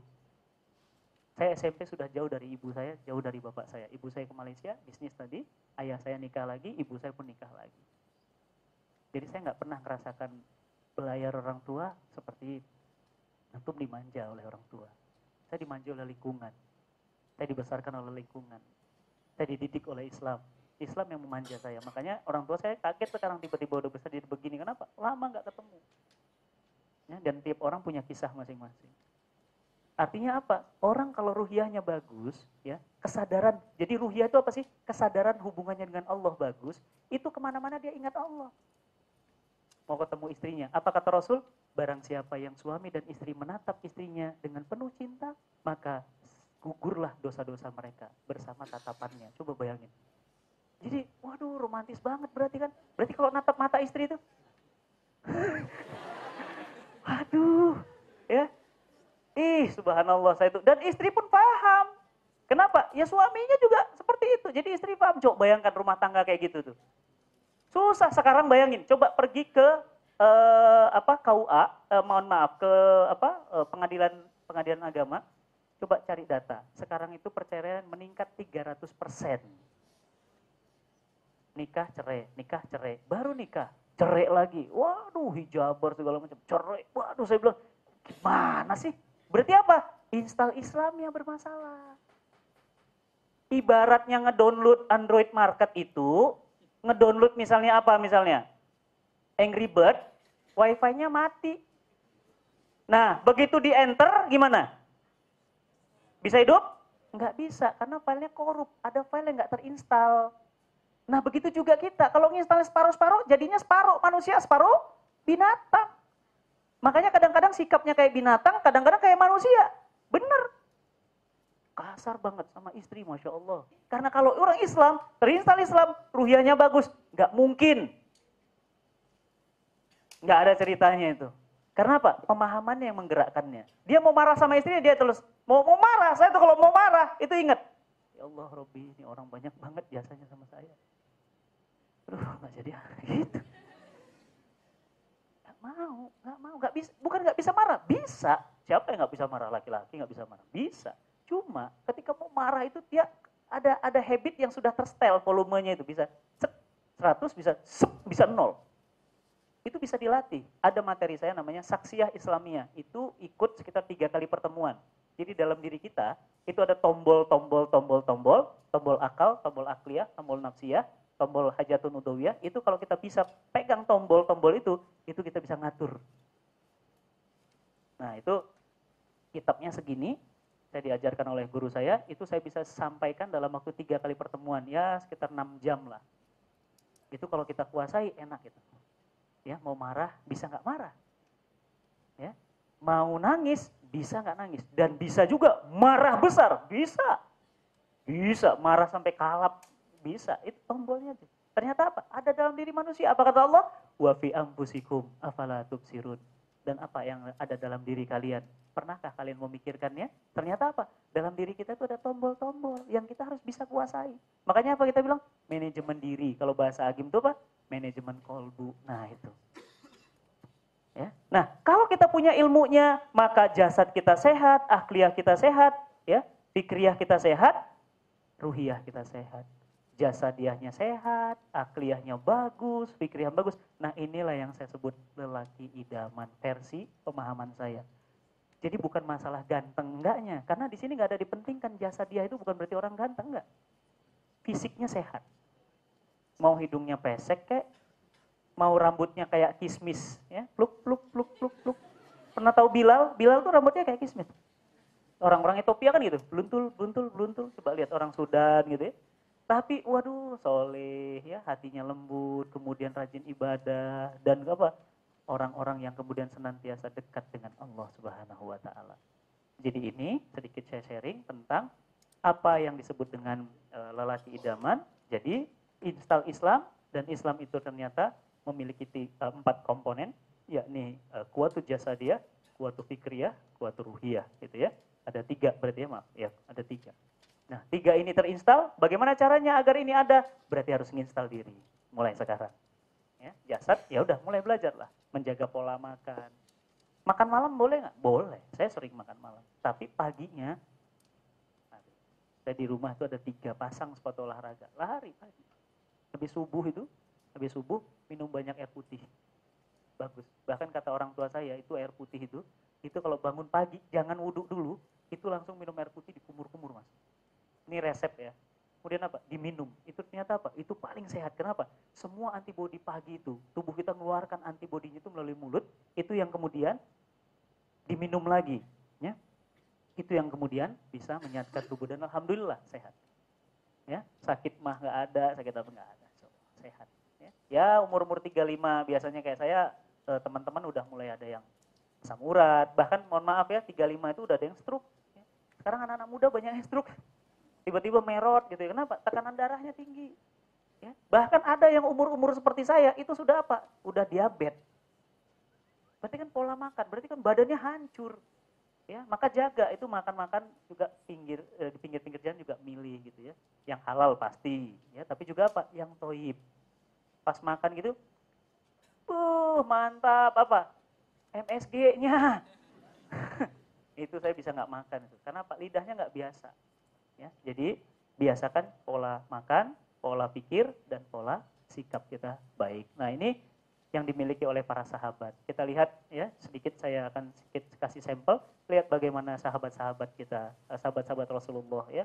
Lihat Mus'ab bin Umair, ganteng, keren, anak orang kaya, bangsawan, tapi cerdas luar biasa. Makanya yang dikirim ke Madinah itu Mus'ab, bukan Bilal.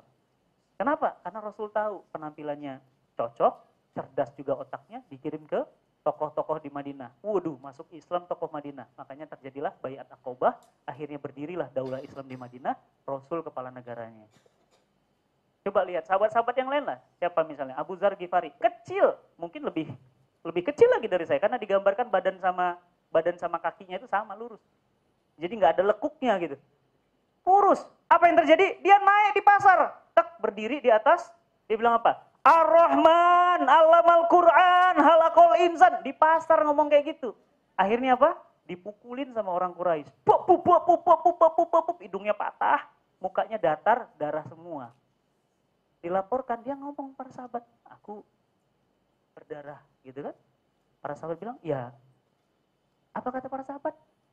Kami sudah bilang, jangan kayak gitu di depan pasar Quraisy. Kamu pakas dihantam. Apa kata dia? Tuh, wajah jasa diahnya bagus. Apa kata dia? Kalau Rasul datang sekarang dan Rasul minta aku lagi, aku akan naik lagi ke pasar dan aku sampaikan lagi. Coba, ada takutnya?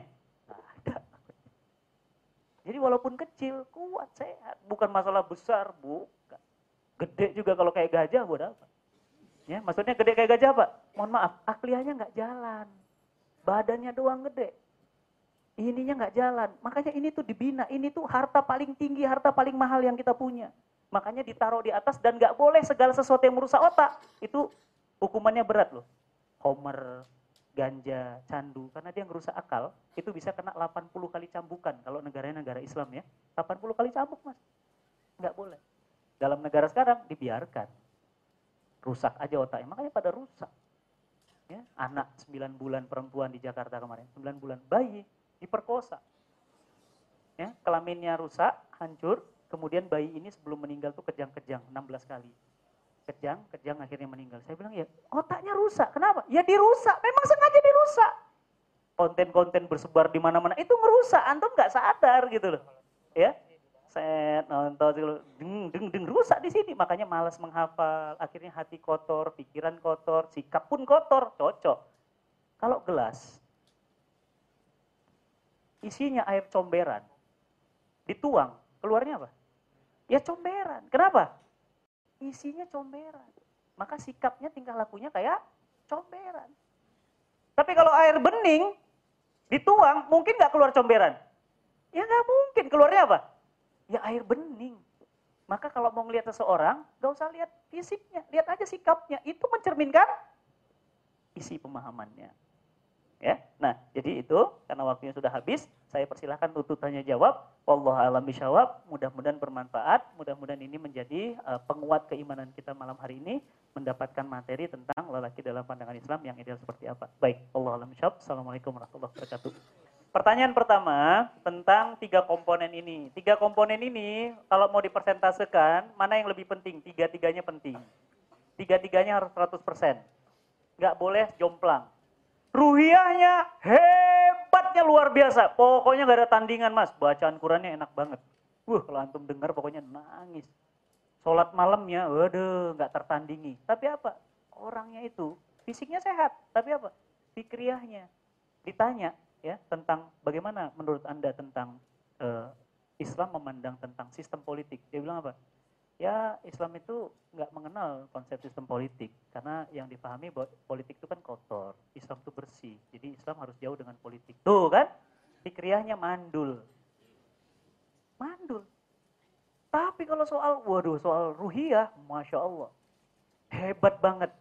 Tapi ditanya, Mas, uh, Ustadz, uh, apa hukumnya uh, money game dalam pandangan Islam kaitannya dengan bagaimana sekarang fluktuasi nilai dolar terhadap rupiah dan bagaimana solusi Islam terhadap uh, penguatan sistem mata uang. Apa dia bilang? Waduh jauh banget nih pertanyaannya. Eh Islam nggak kenal-kenal yang begitu deh. Yang Islam kenal pokoknya kalau ada masalah pecahin dengan sedekah gitu. Nggak bisa. Islam itu tiap ada masalah, ada solusi. Masalah, solusi. Masalah, solusi. Ibarat kita bangun bangunan, ngecat pakai martil, pakai hammer. Ya. Apalagi pasang dinding, pasang pasang atap pakai martil. Pasang kaya pakai martil. Semua pakai hammer. Bisa? Enggak. Mau ngecat pakai apa? Ya pakai cat sama kuas. Masa pakai martil? Solusinya itu aja yang diomongin ke mana-mana. Nggak bisa begitu. Setiap masalah ada solusi. Nih sekarang lagi rame tentang NBA. Nikah beda agama. Hati-hati loh, sebentar lagi jadi undang-undang. Ini lagi diperjuangkan sama Islam liberal itu agar jadi uh, legal draft. Terus apa lagi? Satu lagi apa? Itu yang mereka sedang perjuangkan adalah uh, tentang homoseks dan lesbianisme. Legal legal, nanti legal. Kenapa? Karena mereka itu memperjuangkan itu kan hak asasi masing-masing, gak usah ditentang. Kenapa? Itu hak orang, itu kecenderungan orang, biarkan, jangan dilawan, karena itu adalah fitrah manusia. Kata mereka begitu. Bahkan Ulil dalam satu pernyataannya mengatakan apa? Dia nyatakan bahwa NBA nikah beda agama lebih baik daripada kita berzina. Ya emang NBA itu bukan zina. itu zina. Itu dari situ aja udah kelihatan ya. Betapa kita itu nggak bisa kalau kemudian tidak paham fikriah. Ya, jadi fikriah penting. Fikriahnya, wih cerdas banget. Antum tanya apa pun tahu. Tapi, mas, duha yuk. Sorry, nggak duha. Sakofah sangat banget, banyak. Jadi keislaman sangat hebat. Jadi, sorry, nggak level sunah-sunah begitu. Baca Quran, nggak bisa. Tapi mas, kalau soal fikriah, bodoh. Antum mau nanya apa? Hukum fikih? Jago mereka. Itu juga nggak bisa. Fikriahnya hebat, ruhianya hebat. Jasa dianya, Masya Allah, lemahnya luar biasa. Dikit-dikit sakit, dikit-dikit sakit, dikit-dikit ngeluh. Nggak bisa. Nah, terus bagaimana ini? Tiga-tiganya bisa diformat. Bagaimana caranya? Proses. Ya, saya memproses diri saya dari tahun 97. Antum memproses dari kapan? Dari sekarang. Ya udah terus aja proses. Bagaimana caranya? Ya kan udah ada spesifik. Ruhiyah, amal sunnah, amal-amal ibadah nawafil. Ah, Ustadz, saya mau sedekah. Berapa sedekahnya? Dikit Ustadz, ini kebetulan ada satu gepok gitu ya. 5 juta aja. Oh subhanallah. Nah itu ruhiyah. Kemudian apa? Duh, bangun yuk, sholat malam, sholat malam, sholat malam, bangun, bangun, sholat malam. Sholat malamnya apa? Bacaan Qurannya, nikmat banget. Ya, 12 rakaat, tapi berkesan. Kemudian apa lagi? Jasa dianya. Pagi dia ngajak lari pagi, ngajak olahraga, bahkan ngajak berenang. Waduh, bayangin. Sehat, waduh. Seger, pokoknya fit. Ya, jadi ngomong di depan orang enak, mohon maaf ya. Kadang-kadang orang aktivis dakwah itu nggak jasa, nggak jaga, jaga jasad. Mohon maaf ya, giginya kuning. Terus apa lagi? Kalau kalau ini tuh tai matanya banyak. Terus apa lagi? Mohon maaf ya, jenggotnya nggak dirawat, cuma ada lima lembar. Mau ya digunting gitu ya. Kalau misalnya ada kayak saya nanggung itu masih mending gitu ya. Kalau ada bagus. Pelihara kenapa? Sunnah hukumnya. Kalau nggak ada ya udah jangan dipaksa. Ini enggak lima tapi dipanjangin gitu. Kayak kayak ikan lele. Oh, syukur aja gitu ya terus apa lagi mohon maaf ya nggak diperhatikan apa bau badan nggak bersih enak kan kalau dipeluk sama assalamualaikum Ustaz waalaikumsalam ya Allah wangi banget ya ah gitu ya enak. Mandinya rajin, bersih, sikat giginya enak. Jadi ngomong deket pun, ini ngomong bau. Ya, itu apa? Berarti pola makan. Dan ternyata sampai Islam tuh ngajarkan, para imam, Imam Syafi'i itu ngajarkan kepada kita. Itu kalau makan tuh sebenarnya kita kebalik. Biasanya kalau makan jus gimana? Depan, di depan atau di belakang? Di belakang, kebalik. Buah itu duluan. Baru makan. Ini enggak, makan dulu baru buah. Kebalik, pencernaannya rusak. Buah dulu di atas, baru makanan. Itu makanya bersih. ya sehari pagi itu otomatis mohon maaf sehari pagi itu pasti BAB bersih ini enggak dua hari enggak tiga hari enggak sekali hitut tahu hitut baunya masya Allah kenapa pola sikap itu pola pola badan kenapa? Bersih. Jadi enggak apa ya? Ya enak. Kalau orang bersih gimana? Nyaman kan kita? Ngelihatnya juga enak gitu ya. Bersih gitu. Iya Ustadz, justru ini nggak ada yang ngebersihin Ustadz gitu, gitu ya, nggak ada yang ngerawat ya gitu ya. Ya sambil menunggu itu makanya pantasin diri. Ya, nah, oke, okay, apalagi? Yang kedua pertanyaan tentang playball visabilillah. Wah ini menarik untuk dibahas. Jadi sekarang banyak istilah ya, ada pacaran Islami gitu ya. Tapi pacaran Islami kayaknya eranya udah lewat.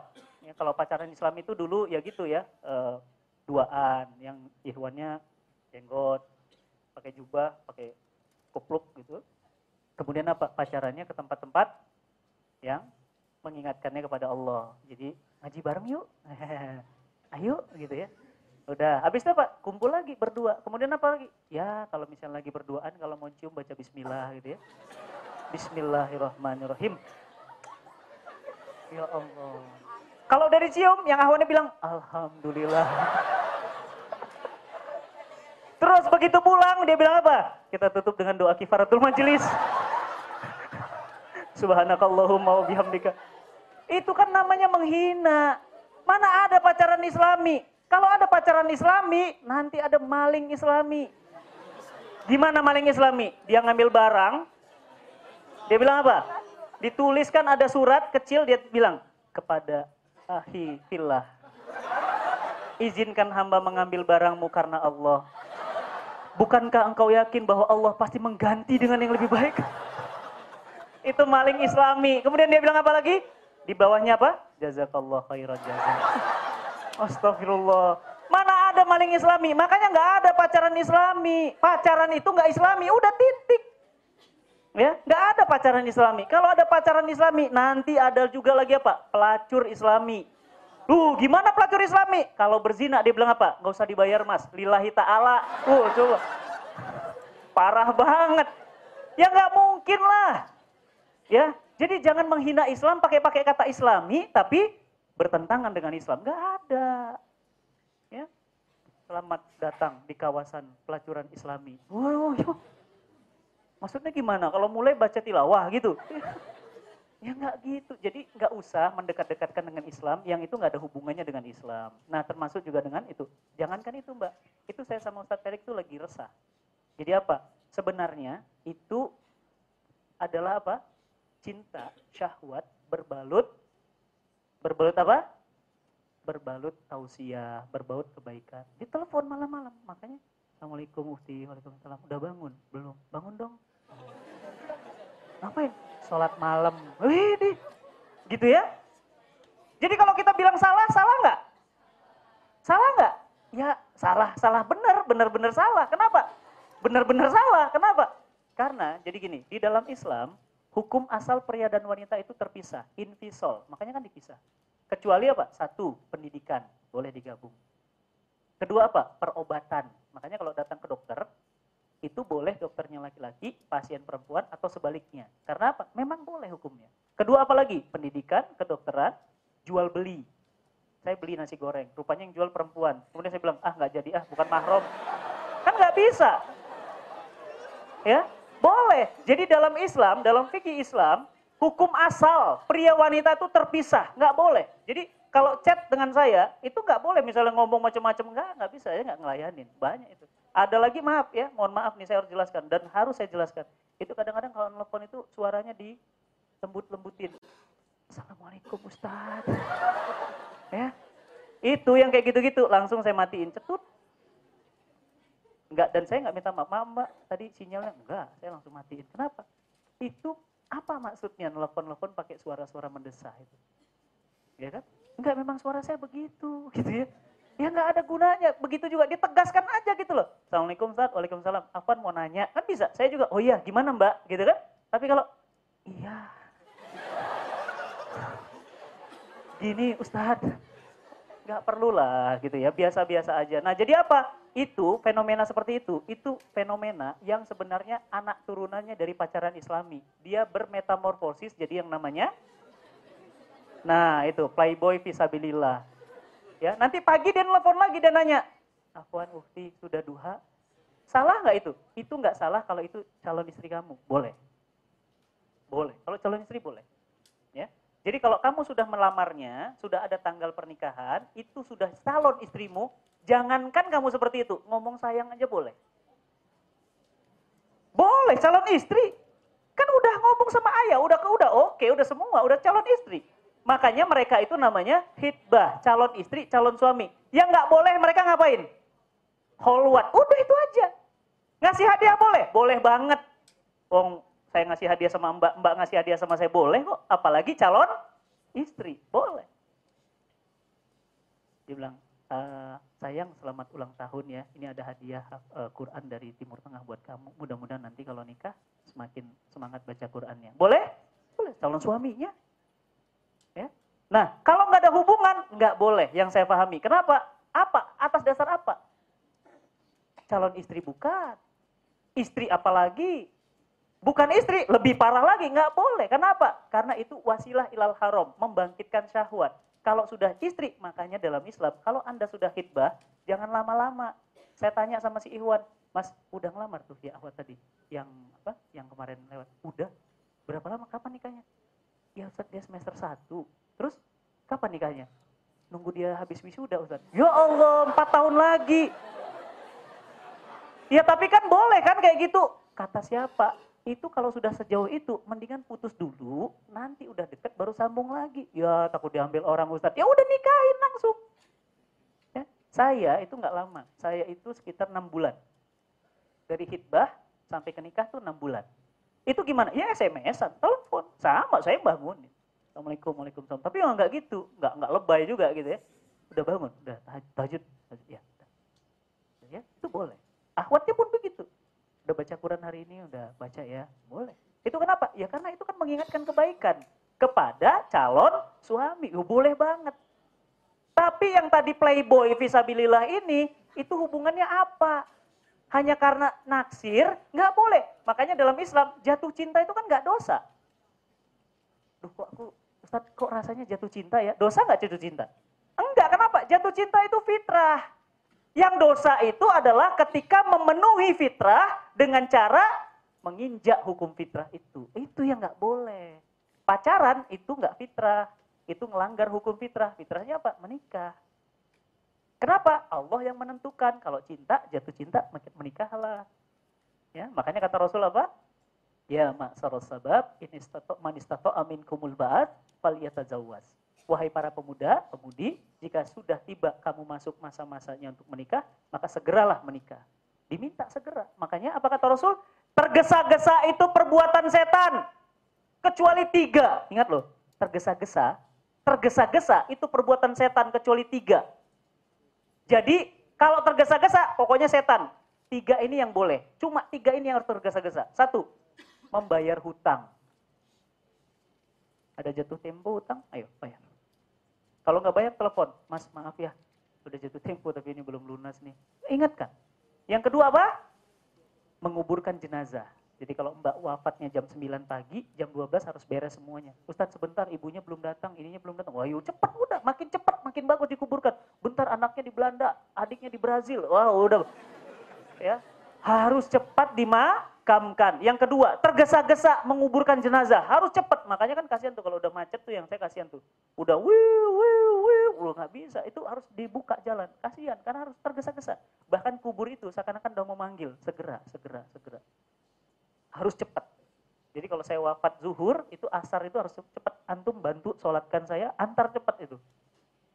Ya, tenang aja mas, ya mbak ya, di kamar saya itu sudah ada kain kafan, udah lengkap dengan kapasnya, sudah ada lengkap dengan tikarnya, lengkap dengan parfumnya. Jadi kalau saya wafat besok pagi, udah tinggal gulung aja, udah ada semuanya. Ya, itu kalau mau nyimpen, nyimpen di rumah. Besok beli ya, 35 ribu semeter. Coba lihat loh, efeknya beda. Taruh aja di lemari, nggak ngapa-ngapain, taruh aja gitu. uh. Ustadz yang bener aja loh, yang bener aja. Emang kita pulang pakai ini, baju ini? Enggak, kain kafan. Bahkan malam-malam tertentu itu kain kafan saya saya tutupin ke badan saya gitu, plek. Ih, horor banget. Bukan bukan horor.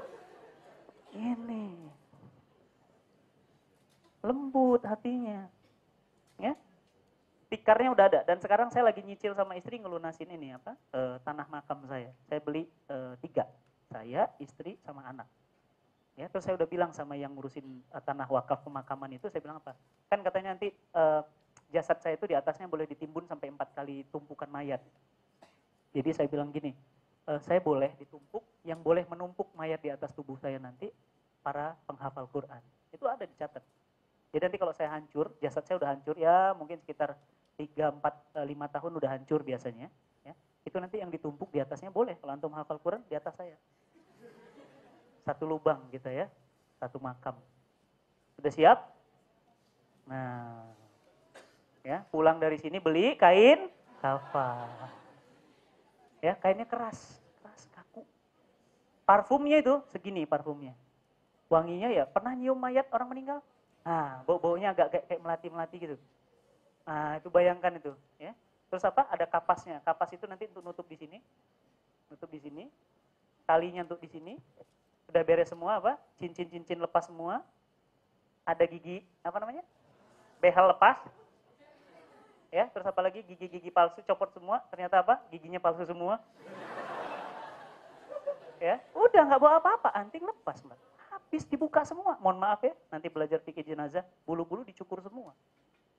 Habis, bersih semuanya. Udah dipulangkan lagi. Datangnya telanjang, pulang pun telanjang. Betul? datangnya sendiri, pulang pun sendiri. Santai aja lah ngadapin hidup ini. Masa mau jadi playboy visabilillah ya? Gitu ya. Jadi playboy visabilillah itu sebenarnya bentuk metamorfosis saja, bentuk rubah, ya, bentuk rubah dari pacaran Islami. Ya, itu pacaran, itu haram hukumnya. Ya, tapi kalau sudah calon istri, calon suami, sudah khidbah, ya, ada yang tanya, Ustadz sebenarnya khidbah dulu atau ta'aruf dulu? Kalau yang saya pahami, khidbah dulu baru boleh ta'aruf. Kenapa? Karena kamu boleh mengenalnya lebih dalam ketika dia calon istrimu. Kalau enggak, enggak boleh. Urusan apa? Karena hukum asal pria dan wanita terpisah. Enggak boleh. Mbak, oh maaf, nanya rumahnya di mana ini? Oh ya enggak boleh, hitbah dulu kalau mau. Iya justru itu saya mau nanya dulu. Enggak mau, hitbah dulu. Ayo. Berani enggak? Hitbah dulu, baru boleh nanya. Jangan nanya, nanya, nanya, nanya, terus enggak? Enggak jadi. Sorry, enggak jadi. Hitbah dulu, ayo. Hitbah dulu berarti apa? Hitbah itu dua pendapat. Ada pendapat pertama, cukup kepada putrinya saja. Ayahnya nanti CC doang, tebusan. CC mention gitu. Tapi ulama yang satu lagi berpendapat apa? Enggak kepada putrinya, kepada ayahnya dan CC ke putrinya. Mana yang pendapat terkuat? Dua-duanya kuat. Kalau saya mengambil pendapat hitbah itu kepada putrinya, ayahnya melaporkan saja CC aja. Karena itu hitbah, bukan menikah. Kalau nikah, ya kalau nikah memang harus langsung nanti ke walinya. Jadi sudah dihitbah. Ustadz gimana kalau ngetek? Nah itu ngetek itu tadi tuh. Diambil dari semester 1, nikahnya semester 10 gitu. Itu namanya ngetek. Kalau kayak gitu lebih baik menurut saya udah selesai, putus dulu. Kenapa? Nanti, nah itu jadi, jadi playboy visabilillah itu. Ya, jadi itu uh, metamorfosis aja. Ya. Nah, bagaimana dengan fikriyah dan ruhiyah? Nah ini butuh konsistensi, betul. Saya setuju dengan beliau. Kenapa? Karena kita ini bisa berubah-ubah. Sebenarnya saya saya maksud hadis ya, iman itu yazid wa yangkus itu bukan imannya naik dan turun, bukan. Tapi kondisi keimanan. Karena iman itu nggak boleh naik dan turun. Karena kalau iman itu, itu harus 100%. Nggak boleh 0,01 ada ragu sedikit pun. Nggak. Jadi kondisi keimanan. Contoh apa? Nih sekarang kondisi keimanan lagi di sini gimana nih? Naik, waduh itu kayak atmosfer tuh tebal gitu, atmosfer imannya itu lagi mantep. Tapi keluar dari sini, coba nongkrong di uh, kota Kasablanka. Berubah nggak? Berubah. Kenapa? Yang dilihatnya berubah, suasananya berubah, tatapan mata kita berubah, alam jiwa kita juga berubah. Nah, lantas bagaimana jaga itu? Satu, cara jaganya adalah tadi yang saya bilang, banyak-banyak ingat kematian. Ya, saya itu salah satunya kenapa saya takut banget dengan yang namanya uh, apa namanya mati dalam keadaan suul khotimah karena kata Rasul ada hadisnya orang akan wafat sesuai dengan kebiasaannya. Kalau antum biasanya, mohon maaf ya, kalau antum biasanya tempat-tempatnya ke tempat maksiat, wafatnya sedang dalam maksiat. Kalau antum senantiasa dalam ketaatan begini, terus begini, berteman juga dengan orang-orang begini gitu. Insya Allah juga seperti itu dipanggilnya.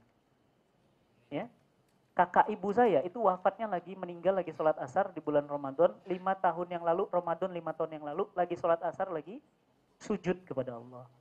Jam setengah enam itu anaknya itu di dapur ngelihat masih sujud. Oh mama lagi sujud balik lagi ke dapur.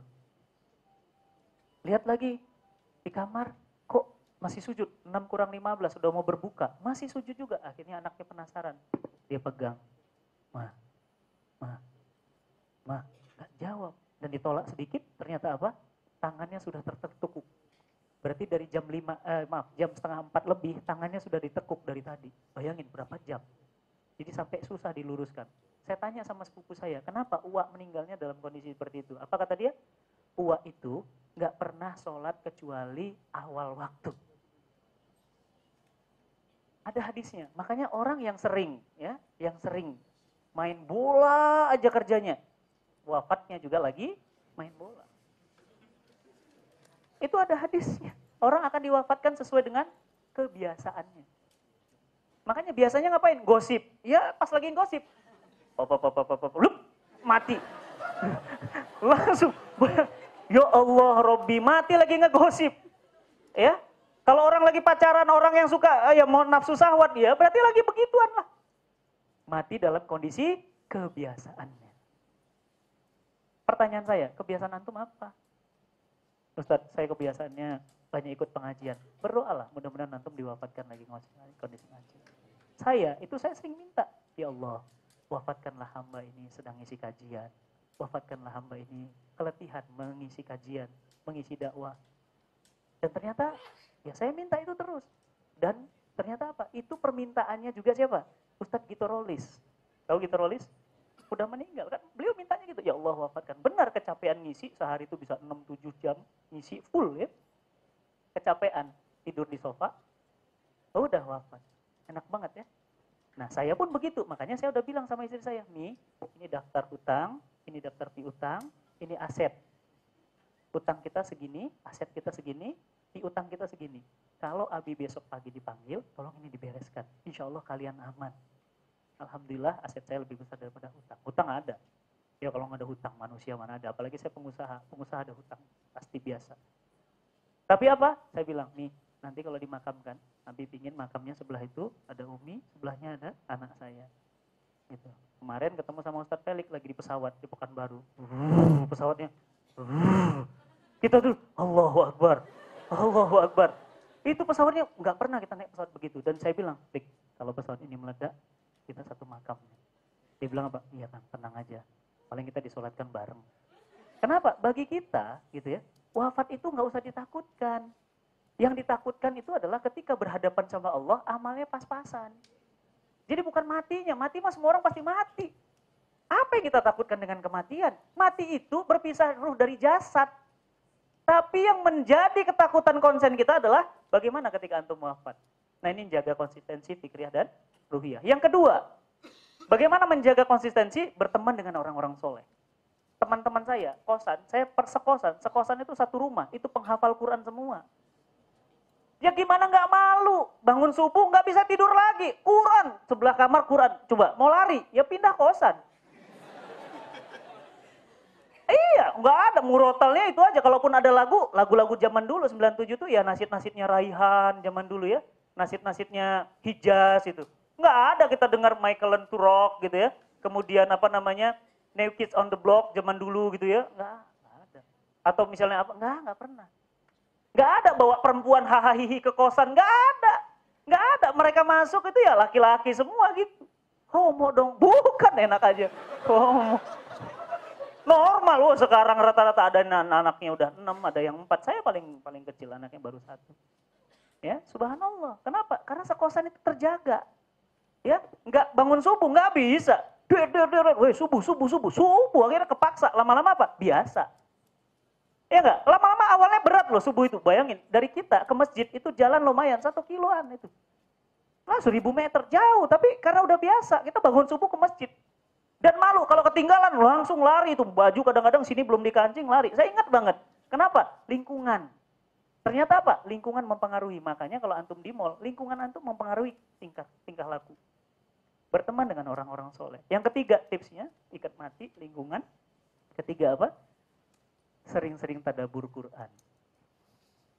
Ya, nih Ustadz Bahtiar ada program, ikut tadabur Quran dengan Ustadz Bahtiar. Wah itu mantep. Ya. Kenapa? Karena kita akan menyelami ayat per ayat. Dari hikmahnya, asbabun nuzulnya, bagaimana kisahnya, kemudian bagaimana uh, hukumnya tentang kita, bagaimana seterusnya. Itu akan menambah fikriah dan ruhiyah. Insya Allah kalau begitu antum stabil. Tapi jangan dibayangkan antum jadi malaikat. Gak akan pernah. Saya juga manusia biasa. Walaupun saya jam terbang begini, capek dengan jam terbang, tetap saya ada rasa manusia biasa. Gimana? Pernah saya ngomong sama istri, nih, astagfirullah. Kadang-kadang saya istighfar. Capek juga ya. Istri saya, nah itu kan kalau istrinya menguatkan apa? Abi, katanya istirahat kalau kakinya nginjek surga baru istirahat. Nah, on lagi tuh. Iya ya. Ah, enggak ah. Gitu. Ada rasa manusiawi. Kadang-kadang saya bilang, duh capek ya pengen liburan, pengen ini. Loh, katanya liburannya jihad. Jadi nggak nggak bisa gitu. Nggak sempat. Saya itu ada ada ada ada ada banyak buku di rumah. Nggak sempat. Itu kalau baca buku itu ya sambil di mobil, kadang sambil di kereta gitu. Makanya kadang-kadang kalau misalnya ketemu misalnya di kereta, ya saya tertidur ya karena ngantuk berkurang tidurnya. Kenapa? Karena waktu itu sudah terlalu padat diisi dengan aktivitas dan manusia biasa. Ada ngeluh, ada marah, ada kecewa. Jadi jangan antum bayangin fikriyah antum bagus, nafsiyah antum bagus, ruhiyahnya bagus, lantas terus berubah jadi malaikat gitu. Enggak, tetap manusia biasa. Nah, berarti tetap mungkin ada kesalahan? Yo, mungkin banget lah. Jadi PR kita ini besar. Jadi antum bersihin tadi dengan tahajud, teman soleh, rajin baca Quran. Nggak bisa keluar dari sini. Ini saya naik kereta ini. Kenapa? Mobil macet. Naik kereta gimana? Laki-laki perempuan campur. Coba bayangin malam begini ada yang nggak nutup aurat, ada yang duduk di bawah, bajunya kemben. Coba gimana? Mau gini terus sakit leher, mau tunduk Masya Allah gitu kan? Mau gimana? Pindahlah Ustaz. Oke pindah. Pindah yang ada jaminan? Enggak, lebih parah lagi. Ya Allah ini juga sama. Mau lari ke mana antum? Masih mending loh, sekarang keretawi udah lebih manusiawi. Dulu gelap, masuk di dalam. Ngapain di dalam? Pelecehan seksual. Tuh di Transjakarta. Capek kita udah dengar yang sininya bekas sperma lah, yang wih, Masya Allah, banyak banget itu yang pelecehan seksual ya, mohon maaf ya, yang gesek-gesekkan kemaluan, banyak, kenapa? Negara itu nggak tegas. Yang di perempuan diangkut, diperkosa lah. Kenapa? Ya dianggap biasa, itu udah jangan ngeluh gitu, itu problem dari sebuah masyarakat yang sakit. Jadi bagaimana sekarang kita? Yang pertama tadi itu lakukan, yang kedua kita harus merubah tatanan global. Dengan apa? Dakwah. Makanya saya pagi siang malam kepala jadi kaki, kaki jadi kepala untuk untuk dakwah. Jadi makanya yuk kita rubah ini semua dengan dakwah. Saya pikir itu. Baik, terima kasih. Uh, mohon maaf atas segala kekurangan. Yang benar hanya datang dari Allah, yang salah hanyalah kamilah tempatnya. Mohon maaf lahir dan batin, semoga bermanfaat. Assalamualaikum warahmatullahi wabarakatuh.